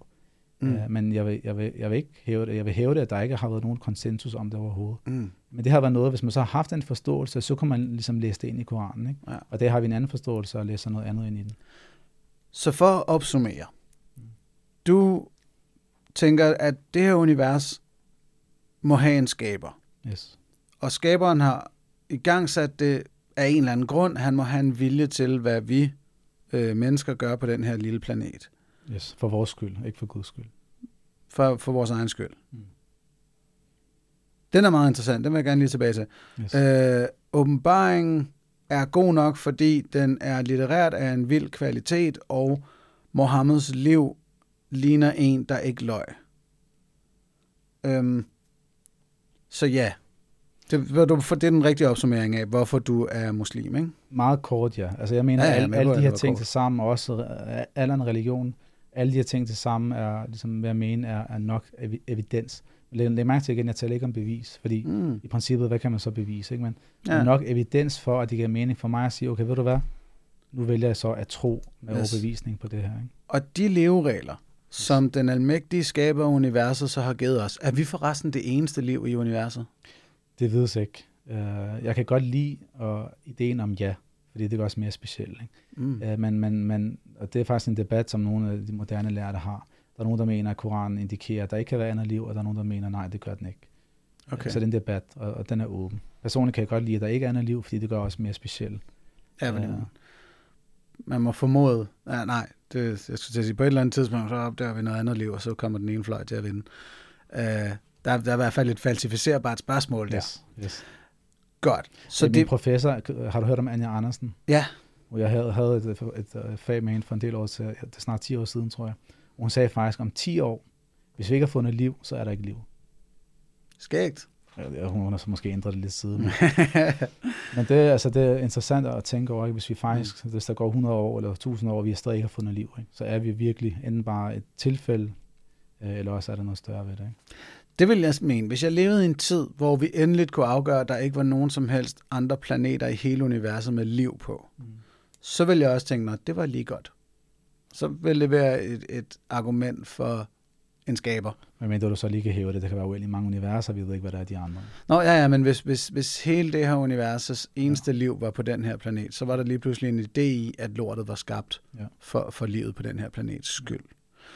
Øhm, nå, de her regler Mm. er for vores skyld, Yes. ikke for skaberens skyld. Yes. Så de er sunde for os. Yes. Øhm, hvad er det, de hjælper os med? Jamen, det er at leve et godt liv. Uh, så altså, vi tror på, at Gud har ikke en anden konto, sidder ikke på en sky, og hver gang vi gør noget til ting, så bliver Gud bedre. Det, uh, Mohammed sagde faktisk uh, noget, eller selv hvis hele menneskeheden gik sammen for at tilbede Gud, så ville det ikke forøge Guds værdi det mindste. Og selv hvis hele menneskeheden gik sammen og, og var imod Gud, så ville det ikke fjerne noget for Gud øh, det mindste. Ikke? Så vi, vi, vi, vi tror på, eller vi, ja, vi er overbevist om, at ligesom alle regler øh, i islam er for vores skyld. Øh, det er noget, som vi har behov, behov for, for at leve et, et godt liv, og behov for den her vejledning, og den her etik og moral. Jeg ved, som du øh, nævner i din bog, at jamen, som ateist, så kan man ikke grunde etik og moral i noget større end evolution og historie osv., det gør. Mm. du også. Ikke? Uh, men, men ligesom, jeg mener, at vi har behov for en, en større objektiv etik og moral fra, fra skaberen. Ikke? Og så er, det, så er det for vores skyld, at der har været de her retningslinjer. Og det er rigtigt nok, så er der nogle, nogle større abstrakte ting, hvad angår det gode liv, men så er der også detaljerne, uh, Mm. som, som jeg ved, du, du gør lidt grin med ikke nogle gange. Ja, det er der. Ja. Altså, ja. Men, men det er der, så islam er hele den her, hele den her altså islam er ikke bare en religion, siger vi selv, det, på arabisk det hedder en millah, men det er en din, og en din er en levemåde. Ja. Så der er, der er vejledning for alle, i alle livets aspekter, både det økonomiske, det spirituelle og det sociale, men også, også ting som, hvordan du går på toilettet, ikke? hvor Mohammed Mm. sagde, at man skal bruge vand for 14 år siden, ikke? hvor man stadig mange år senere opererede med beskidte hænder og forstod ikke, hvorfor folk døde. Ikke? Mm. Uh, så, så ja, der er også de der lavpraktiske ting, men som vi så uh, mener er, er for vores skyld. Yes. Øhm,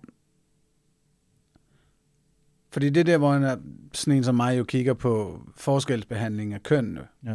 eller øh, forbud mod homoseksuel adfærd, ja. eller lignende. Ja. Og I tænker, det er faktisk det sundeste for os. Ja, helt klart. Og jeg ved, at den er, den er super svær i dag at sluge med de normer, vi Mhm. har i dag. Ikke? Øh, Men jeg anerkender bare ikke, altså, at, at, at der er noget, altså, fordi hvis etik, hvis etik og moral ligesom bare er produkter af vores historie, det samfund, vi lever i, ikke? Så kan der være et andet samfund, der har en helt anden etik og moral, og så er det lige pludselig svært at sige, at der er noget, der er, noget, der er objektivt rigtigt og forkert. Og det kan jeg ikke lide. Altså, så hvis det er rigtigt Nå, for dem er- at spise babyer, så er det, så er det rigtigt for Jamen, dem ja, at spise babyer. men, men at du ikke kan lide det, er jo ikke nok.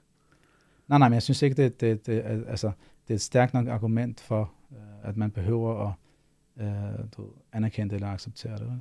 vel? Acceptere hvad? Altså, du sagde, du sagde ting som homoseksualitet og så videre. Ja, Der, der har vi en, en, en traditionel etik, som vi mener, ja, er bedre for folk. okay. Og, og det giver mening for dig, at der er bare et forbud mod at gøre det her, som nogen er åbenbart er blevet udstyret til at finde tiltrækkende. Vi kan så debattere, eller Ja, diskutere, hvor hvorfor? det kommer fra. Jamen, det, altså, det, det er et godt spørgsmål. Uh, altså, man kunne stille mange spørgsmål. Hvorfor har Gud gjort sådan og ikke sådan, og sådan og ikke sådan? Ja, Hvorfor har Gud ikke skabt det perfekte univers, hvor alle tror eksempelvis? Ikke? Og der mener jeg helt klart, at det her univers er bedre, fordi alternativet er, at Gud har skabt det perfekte univers. Der er ikke nogen øh, prøvelser, der er ikke nogen dårlige ting. Alle tror, at Gud har vist sig selv. Og så er det bare, hvad er pointen så? ja, det lyder vildt kedeligt. Det kan vi godt springe Ja, hurtigt videre Så jeg fra. mener, at det her univers, hvor vi har en fri vilje, og hvor der er prøvelser, hvor folk med deres fri vilje når frem til øh, enten en sandhed eller ikke, vil være et bedre univers. Ikke? Mm. Så, så, så og, par, og ideen er så også, at det her liv er så en nøglen til paradis, som så er det perfekte. Ikke? Så det her liv er designet til, at, det skal, at der skal være bum på vejen. Ikke? Okay, Og nå, så det er ikke bare for at gøre det her liv fedt, at han har lavet reglerne. Det er for at opnå det fede evige. Ja, så, så det her liv er, der er, sådan, der er noget i det i sig selv, men det er også et, et, et middel til at nå det næste liv. Ikke? Og derfor Er der der noget- være nogle ting, som, Ja. som folk har forskellige prøvelser. Og jeg ved, at homoseksualitet er en svær ting at sluge, men, men personligt så har jeg ikke den her, øh, det her sådan Hollywood kærlighedsforståelse øh, for, for tingene. Ikke? Ja, Mm. det er en prøvelse, og jeg anerkender helt klart, at for dem, der, der føler, at de ikke, altså jeg siger ikke, det er folk, folk har taget et valg, men dem, der ligesom føler, at de er født med det, det kan vi diskutere, om man gør det. Øh, jeg kan forstå, hvor, hvor svært det kan være, ikke? Mm. Øh, men jeg ser det stadig som en prøvelse, og jeg ser andre prøvelser er værre end det. Ja, Øh, Så hvis man skulle have et problem med det, hvad så med de prøvelser, der er endnu værre? Ikke? okay, men så, så Allah har med vilje skabt os til at leve et liv her på jorden. Kun et, ikke? Jo. øh, med en del prøvelser i, for at vi så kan opnå et øh, totalt paradisisk efterliv. Yes. Så, så hans regler er egentlig ikke for at optimere det her liv. Jo, det er det også. Det er det også. Det er det også, ja. Det er optimalt at finde sin partner tidligt i livet og kun have en. Yes. Ja, så, så det er både altså, for at leve et, et godt liv øh, her, og så er det samtidig for, at hvis du så følger alle de regler så godt som muligt, øh, du så også bliver belønnet med paradis i det næste. Så det er ikke fordi, at man skal være fuldstændig ligeglad med det her liv. Øh, Mm. Men, men det, det næste liv er ligesom, det er uendeligt, og det her det er ikke. Mm. Hvis man kigger på hele øh, planen, ikke, så Det er et tons og godt salgsargument. ja. Øh, det er der ingen tvivl om. øh, det er bare stadig, det jeg kan godt se, hvordan det er for sådan en progressiv type som mig. Det er meget svært at sidde og tænke, at det er vidderligt sundere, den her med, hey, mændene bestemmer mere. Er, er vi enige så langt, at det gør mænd i islam? Øh, det kommer an på, hvad du mener med, altså i forhold til at bestemme, og hvorhen. At han er over sin kvinde, han arver mere end sin søster. Det er ham, der kan blive kalif, ikke hende. Øh, Den slags ting. Altså, der, der er helt klart, jeg ved, der er mange, der vil begynde, altså, der, der er helt klart, altså, det er et større, det er et større spørgsmål. Men Fordi- de tre ting er gode nok, ikke? Nej, den, jeg tror nummer to, det passer ikke helt. Men Ja. lad, mig, lad mig lige se helt generelt. Uh, ja, altså i islam, der, altså, Mohammed han sagde, uh, han sagde, inna man, inna man rijal, som betyder, at sandelig er kvinder sidestillet med mænd. Og det er ligesom det udgangspunkt i islam. Mænd og kvinder er lige meget værd. Men han, Altså, altså, jeg, jeg skal nok komme tilbage okay. til. Mænd og kvinder er lige meget værd, og generelt har de samme pligter og rettigheder. Uh, inden for de områder, hvor der ikke er nogen forskel på os. Og jeg ved, at den ekstreme venstrefløj i dag, ikke fordi jeg siger, at du er der, Men Men samme sige- pligter og rettigheder når vi er en, altså på de områder, hvor vi er ens, så er der ikke nogen forskel på mænd og kvinder. på de områder, hvor vi er ens. Ja, så Okay. okay. det, vi, vi, skal bede fem gange om dagen begge to, vi skal betale Mm. almisser. De fleste aspekter øh, af livet, vil jeg påstå, det, det er ens for mænd og kvinder. Men så især i samspillet med mand og kvinde i islam, der, der er der så nogle, nogle, nogle af vores naturlige forskelle, der, der kommer til syne, som så gør, at der vil være en forskel på mænd og kvinder inden for de områder. Ikke? Og det vil så manifestere sig i, i nogle områder, ja. Jeg vil ikke sige, hvor manden er mere værd end kvinden, men eksempelvis i ægteskabet, der er det manden, der har den ledende rolle, ja. Ja, jamen Det og det jeg sagde var, at han bestemmer mere end kvinden. Mænd I- i bestemmer ægteskab- mere end kvinder i islam. I ægteskabet. Altså taler vi om ægteskabet nu, eller helt generelt? Generelt i ægteskabet, øh, han kan blive kalif, han arver mere end sin søster. Okay, lad os sige en ting ad gangen. Ægteskabet, ja. Kalif, ja. Øh, men arv, nej, ikke nødvendigvis. Og der er, altså, der er over, jeg tror, der er 30 forskellige til, tilfælde i alt. Og jeg husker svagt, at det faktisk er kvinden, der arver mere i, i mange af de tilfælde. Altså Ja. ja. i Koranen. Fordi det er jo... Nej, altså islam er både Koranen og had- Muhammeds. Og haditterne. Nå, okay, fordi i Koranen, der lader, lægger den meget op til, at mænd skal arve mere end kvinder, ikke? Øh, I nogle tilfælde, ja. Altså, og I nogle tilfælde. Jeg, for eksempel i det tilfælde, nu, og nu har jeg ikke styr på de der afregler helt, vel? Uh, men, men for eksempel, hvis du har, uh, an, nu antager jeg bare, for eksempel, hvis du har en søn og en datter, uh, som, som skal arve, så, så vil drenge arve meget. Og det ved jeg, det, jeg, jeg kan huske, hvem der nævnte det, det var, men det var podcast, måske var det Shirin Khan Khan. Mm. Mm. det, det giver mening, fordi at, uh, at manden havde og har forsørgerrollen. Jeg ved, at Shirin så siger i dag, det giver ikke nogen mening i dag. Jo, det giver mening i dag. Men i, i det tilfælde, så arver øh, drengen mere, fordi han har rollen, altså han har forsørgerrollen. Ikke? Han er pålagt at tage sig af øh, pigen, så det er derfor, det giver mening, at han arver mere. Okay, Men der er nogle tilfælde, hvor at, at, at mændene eller drengene ikke får mere. så skal man, hvis man nu lever i dagens Danmark, og har en søn, en datter, øh, det kan være, at datteren er fraskilt, og derfor er ene forsørger for nogle børn osv., mm. så skal man faktisk se bort fra Koranens arveregler og kigge i nogle andre steder. Nej, man skal ikke se bort, fordi de, to- de to ting supplerer hinanden. Altså, både Koran, altså, vi siger, at Mohammed er, det er, det er ligesom i, i skolen i dag. Ikke? Så, så starter du i skole, og så har du en bog, som du skal øh, eksamineres i, men du har også en lærer, der forklarer den bog. Mm-hmm. der viser også den praktiske dimension af den bog. Ikke? Og det er det samme med Koranen. Koranen er den her generelle, altså Koranen kan ikke indeholde alle detaljer, hvis jeg skulle ud med sådan her. Men den har, den har de generelle principper, og så kigger man i Mohammed hans liv, for ligesom at forstå, hvordan det så implementeres. Ikke? Mm. Og der har vi fra de to ting øh, den sammenlagte, øh, de sammenlagte regler om arv. Og der, der, der ser man, øh, afhængig af, du ved, hvem det er, der dør, og hvem der er levende, og hvor mange osv., så er der, altså det, det er lidt det er komplekst, ikke? Det, det, Mhm. det er god matematik, man skal regne på der. Det kunne også være nemmere, om man bare sagde, alle Ja, ja. får den samme andel. Ja, måske, men nu, nu er der øh, de afregler. Men der er, almægtige skaber vel det anderledes. Ja, altså, nu er, nu er der de afregler, der er. Ikke? Men, men, men det er rigtigt nok, i nogle tilfælde, så får manden mere, men der er også en masse tilfælde, hvor han ikke gør. Mm. Så lige, så, så lige der, der passer det ikke, ligesom at mænd er ved at påstå, at mænd er over kvinder. Så, så vil du mene, jeg tager fejl, når jeg siger, at mænd generelt i islam bestemmer mere end kvinder? Nej, jeg kan godt anerkende generelt. Altså hvis vi taler om kalifen og taler om ægteskabet, At blive imam? øh, det kan kvinder også. Må hun være imam foran andre mænd? Nej. Nej. Må han være foran kvinder? Yes. Ergo bestemmer en mandlig imam noget mere end en kvinde. Generelt ja, det, det sagde jeg, det kan jeg sagtens gå med til. Alright. Men Og- læg, og- læg mærke til igen, for jeg ved, du så vil altså, tale sådan om undertrykkelse osv., ikke? Ja, det kan man måske komme ind på, men, men det har som sagt ikke noget at gøre med, at manden er mere værd eller bedre eller noget, men det er i den, den praktiske, ligesom, vi komplementerer hinanden på forskellige måder, og der har manden bare, der er det her element af det patriarkalske islam, ja, det er der. Mm. Og hvad, hvordan kan det, altså, hvordan kan det øh, virker det logisk på dig, at den almægtige skaber af universet har tænkt, at det ene køn skal bestemme lidt mere end det andet? Jamen, hvis der er en, nogle naturlige forskel i de køn, der gør, at den ene er mere egnet til det, så ja. Så mænd er mere egnet til at bestemme. lederrollen, det tror jeg. ja. Hvad? hvad? Altså, jeg siger ikke, der ikke er mænd, der kan være forfærdelige ledere, mm, og kvinder, der Men kan være gode generelt set er vi klart. bedre til det. Og, og hvad, Generelt hvad er det for egenskaber, der gør, at vi er det? Jamen, det er et godt spørgsmål. Det kunne være ting som i forhold til, hvordan man træffer beslutninger, i forhold til, hvad man baserer sin valg på. Og jeg ved, det bliver meget kontroversielt nu, men der er Mm. altså nogle forskelle i forhold til, at kvinder, hvis vi glemmer religion og bare taler evolution, Mm? så har de øh, været dem, der har taget sig af børnene i grotten, mens manden var ude at jage. Ikke? Så der, de, de har udviklet nogle ting, der gør, at de, de vurderer situationer på, på forskellige vis. Uh, som, som, som jeg tror, altså, nu, nu kan jeg ikke igen uh, nævne alle de, alle de ting, men det er sådan nogle ting, jeg tror, der, der ligger bag, at det er manden, der har fået den rolle. Og der er jo så selvfølgelig den mulighed, at det er den almægtige skaber af universet, der allerede til hulefolket åbenbarede, at sådan skulle rollefordelingen være. Ja, det kunne det også godt have været. Mm-hmm. Men altså, jeg siger bare, uanset om vi bruger religion eller ligesom evolution, ja, så mener jeg, at det, det er tydeligt, at der godt kan være nogle forskelle. Man kan sagtens, jeg er helt med på, at man kan, man kan diskutere i forhold til, øh, om, om, det er, om, om det har ret, i forhold til, om, om manden er bedre på nogle punkter til at tage valg og sådan noget. Ikke? Mm. Øh, men, men det er det, som jeg tror, der ligger til grund for det. Det er, at der er nogle naturlige forskelle i os, øh, som gør, at jamen, der, skal, altså, der skal være en leder, altså, men det giver ikke nogen mening at have en institution, at have noget som helst, uden en, en der har det sidste ord. Ikke? Ja. Og så er det bare, at i islam, der er det, der er det manden. Så er det en skidt idé, at vi har en kvindelig statsleder. Øh, nej, det, det synes jeg egentlig ikke, øh, fordi at det er jo, altså, det er jo et, et ikke-muslimsk samfund, og jeg er sikker på, at hun vil være bedre end en masse mænd.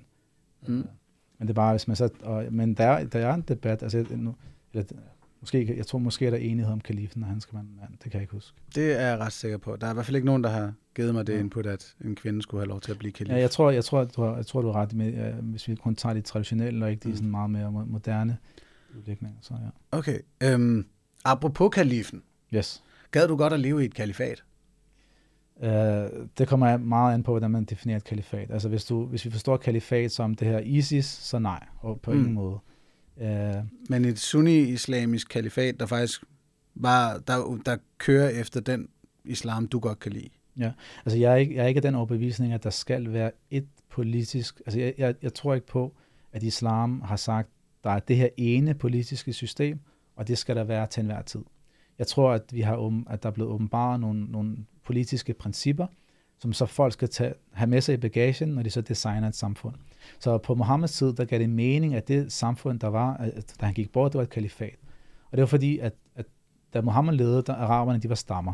Og de her stammer, de havde høvdinge. Mm. Og, altså, og alle de her medlemmer, i- de ville, altså vi siger, Så på var det barner. tidspunkt var det det bedre alternativ. På det tidspunkt, der gav kalifatet, øh, i hvert fald øh, øh, dengang, altså den model dengang, den gav, rigtig, den gav rigtig god mening, hvor man ligesom har øh, Mohammed som statsleder, som havde meget mere magt end en statsleder vil have i dag.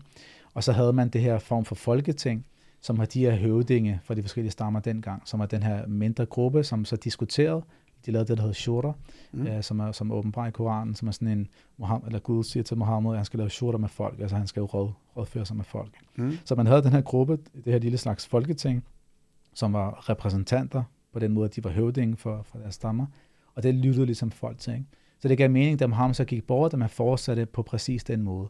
At der var den her kalif for, for alle muslimerne, og der var det her lille øh, folketing af høvdinge, som folk lyttede til. Det gav fuld mening. Men så gik tiden, og så lige pludselig begyndte de her kalifer at blive korrupte og, og give øh, ejerskabet videre til deres børn Mm. og sådan noget. Ikke? Og så endte det med at blive ja, lidt mærkeligt øh, fremover. Så, så man prøver at opsummere. Så jeg tror, at vi har nogle, nogle, nogle politiske principper, sådan noget med som retfærdighed og, og hvad ved jeg, som man skal tage med. Men ellers så er det op til os, øh, altså hvis vi antager, at vi har en hypotetisk muslimsk, øh, muslimsk samfund et eller andet sted, der skal lave en stat, så må vi kigge på, hvordan de normer og hvordan folk er, og så lave en, et samfund, en stat, der giver mening for det folk.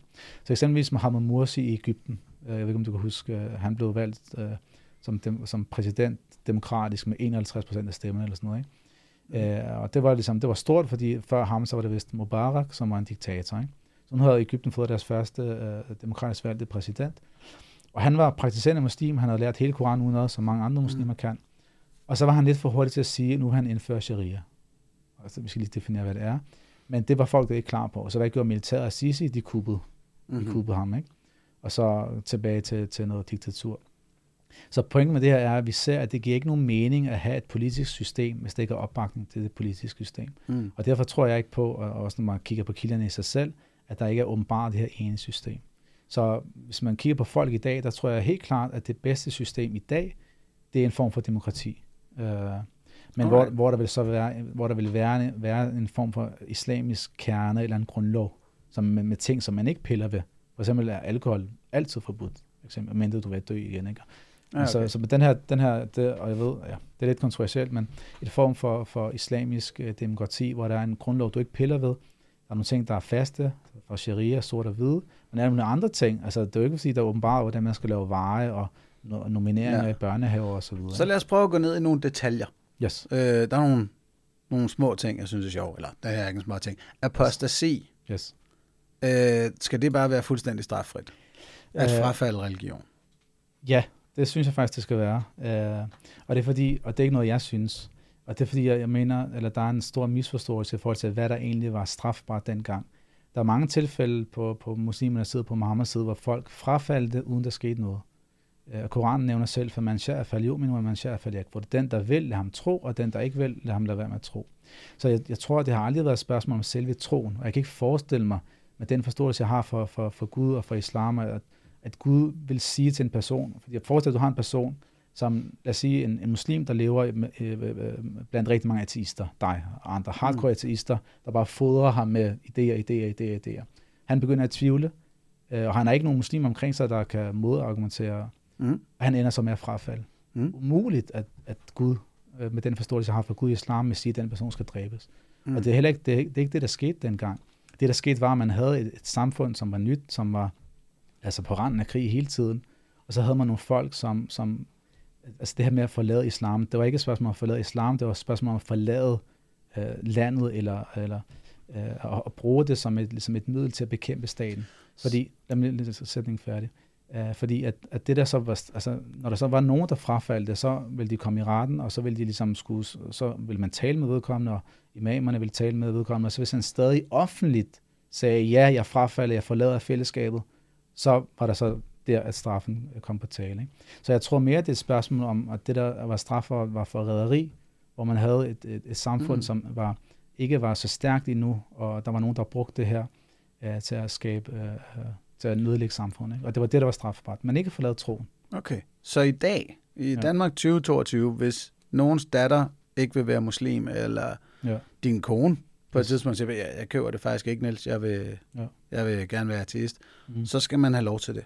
Og ja, det er decideret uislamisk at stå i vejen.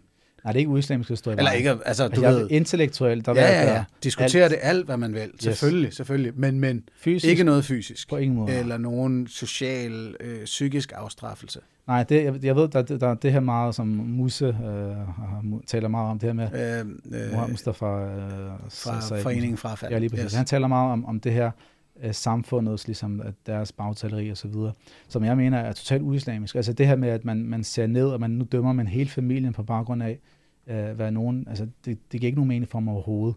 Og Koranen nævner faktisk, at, at det at bagtale øh, er værre, altså det, det er værre at, øh, end at spise deres kød. Altså hvis jeg bagtaler mm. dig, og det, det, jeg kunne lige så godt at spise dit kød, det ville være bedre, ikke?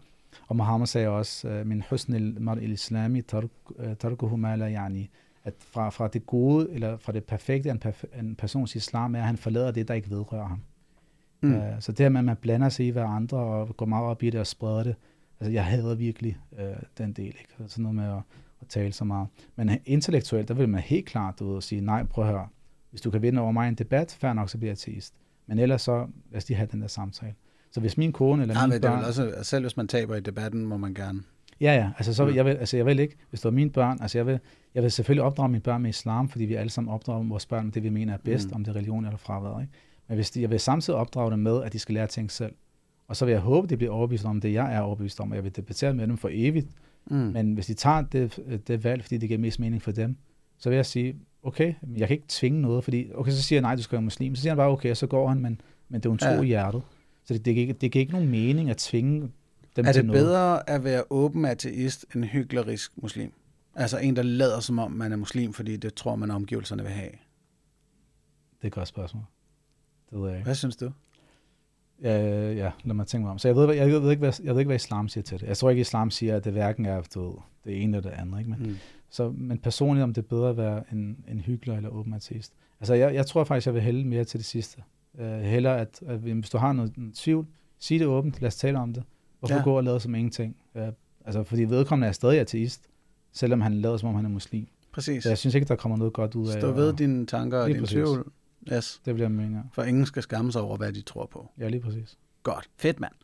Øhm, så har jeg lyst til at spørge til, om der er sådan, for det videnskabeligt tænkende menneske, du er, om der er nogle ting i islam, du har det lidt svært ved. Mm. Du ved, øh, jeg får nogle gange spørgsmål, fordi jeg er medlem af Alternativet. Ja. der er nogle ting i det politiske program, jeg har lidt svært ved. Det Ja. er der. Øhm, så er der noget i islam, hvor du tænker, lige den der. Er du stadig i alternativ? Ja, det er. Okay, jeg troede, du var, du var ude. Nej, nej, nej, jeg er tilbage igen. Okay. Øh, bare som mening. Nå, så du havde forladt? Eller Ja, hvordan? ja en, en, en kort overgang. Sådan, er, er der noget djinns, Og øh, øh, de her åndervæsener, øh, tror du fuldt ud på dem, eller er der noget, hvor du tænker, ah, det er sgu lidt mærkeligt med spøgelser? Jamen, jeg, jeg tror helt klart på, på alle de ting, der bliver nævnt. Altså, jeg har som sagt den her overbevisning om, at Koranen er Guds ord, og det, der så bliver sagt, jamen, det må så være sandt. Øh, fordi det kommer fra en sand kilde, ikke? Øh, så, så i dag, nej, så, er der ikke, så har jeg ikke noget problem. Men altså, det er klart, så fra da jeg blev muslim til i dag, det har været en udvikling. Mm. Og så er jeg blevet præsenteret for et eller andet, hvor jeg tænkte, åh gud, kan det være sådan i islam? Og så har jeg ligesom undersøgt det, og så har jeg følt, at jeg har fået den her, øh, den her sakina, den her ro øh, siden. Ikke? Så der har været nogle ting, hvor jeg tænkte, hov, det gav ikke nogen mening. Hvilke Øh, ting? Jamen, det kunne være ting som øh, straffe, øh, apropos øh, Ja. de, stra- de straf, der var dengang. Øh, Hvilke straffe? Altså hudud-straffe, som Ja, lige præcis. hugge hånden af en Ja, lige præcis. eller Så- dræbe en apostat? ja, lige præcis. Al- Alle de her, øh, øh, som helt klart er voldelige eller voldsomme straffe, Mm. ikke? hvor man tænker, okay, giver det mening? Og øh, hvad med i dag? Øh, så, så alle de her har, er, kommer jo til os, øh, hvor vi skal forholde os til det og undersøge Ja. det. Ikke? Så, så, der har, men så har jeg så, når jeg så har undersøgt øh, det, så har jeg egentlig følt, okay, der er faktisk nogle ret gode svar, og det er faktisk ikke så slemt, som man kunne tro, det var. Så at hugge hånden af en tyveknægt, for eksempel, er den god nok?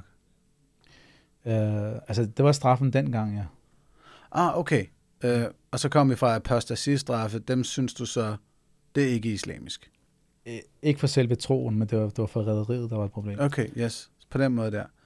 Og jeansene, jeg, jeg har stadig, jeg tror, jeg har fået dem forklaret en, en enkelt gang eller to. Ja. Hvad er det, det går ud på? Jamen, det er en, en skabelse. Øh, altså, vi tror på, at Gud udover at have skabt øh, mennesket, også har skabt andre væsener. Øh, englene eksempelvis er også skabt på, på, på den her jord. Mm. Øh, det er nogle væsener, som umiddelbart ikke har en fri vilje, men det er sådan en form for robotter, der, der udfører forskellige ting. Gabriel eksempelvis, der er ansvarlig for, for åbenbaringen, øh, og så andre engle, der er ansvarlige for andre ting. Øh, og så er der også ånderne, som er ligesom mennesker på den måde, de har fri vilje, som englene umiddelbart ikke har, og som også har profeter og skal forholde sig til nogle ting og kan gøre rigtige og forkerte ting. Ikke? Og hvad, hvad, hvem er de? Hvad, hvad, er det tidligere mennesker, eller er det deres Nej, jeg tror, jeg, jeg tror, det er en, en form, en race i en anden dimension. som lidt overlapper vores? Ja, så på den måde, at deres dimension er over vores, ikke? så de kan se os, men vi kan ikke se dem. Når jeansene kan se os, Yes. Og ved vi noget om, hvor mange de er? Uh, jeg husker svagt, men det er bare, en, at de er mange flere, men jeg er ikke sikker. Alright. Øhm, menstruation, Yes. synes jeg er topgrineren, for at bruge et øh, moderne ateistisk udtryk, eller bevares det ikke er noget som helst ateisme. Øhm, sådan noget som, må din kone røre ved en koran, mens hun menstruerer? Mm. Uh, nu har jeg ikke fordybet mig så meget i de kvindelige regler. Mm. Uh, men jeg tror, at det, som man vil sige, det er, at hvis der er et klæde imellem. Yes. Jamen, det, det, fordi det var sådan en af dem, hvor ja. hjemmesiden islamsvar.dk, det er en uh, imam, der hedder Wasim Hussein, der har skrevet den, hvor han netop også gør klar, jamen du kan ikke nøjes med en handske, der skal være viskestykke imellem. Ja. Hvorfor har den almægtige skaber af universet lavet en sådan regel, mm. om at kvinder, der menstruerer, ikke må røre ved en bog. Øh, der var ikke engang bogtrykkeri på det her tidspunkt. Der var selvfølgelig tekster. Det var, det var skrevet ned på andre materialer. Ja. Og blev først samlet til en bog kort efter. Yes. Jamen det er et godt spørgsmål, og, men, og i virkeligheden er det ikke kun kvinder. Altså jeg må heller ikke røre Koranen, hvis jeg ikke har lavet det, der hedder en rituel afvaskelse. Aha. Men, så, men man kan ikke lave en rituel afvaskelse, mens man har menstruation, og så nej, få lov til at røre ved den? Nej, så der skal man lige vente ja. til, til det over. Ikke? Så hvorfor har Allah lavet den regel? Eller? Det er et godt spørgsmål. Jeg tror, det har noget at gøre med, med respekt. Altså på samme måde som, altså pointen er uh, renhed eller ikke renhed. Ikke? Altså hvis jeg ikke har lavet rituel afvaskelse, så er jeg ikke ren. Altså for eksempel når man skal bede, hvor man skal bede de fem daglige bønder, så skal man være ren i den her mm. renhedstilstand, som så er, at man vasker sig her og der og så videre. Ikke? Og der er menstruation bare, altså hvis mænd har haft menstruation, så vil, vil det være det samme. Ikke? Så vil man, øh, jeg, jeg, jeg tror det er det, at det et aspekt med renlighed, at der kommer nogle ting ud af kroppen, øh, som, så, som gør, at man ikke kan, kan, kan rense sig. Og så af respekt, så rører man ikke Koranen. Så i dag med tamponer, burde man jo tænke, hun er fin ren, der er ikke noget problem. Måske, jeg ved det ikke. Men det, altså...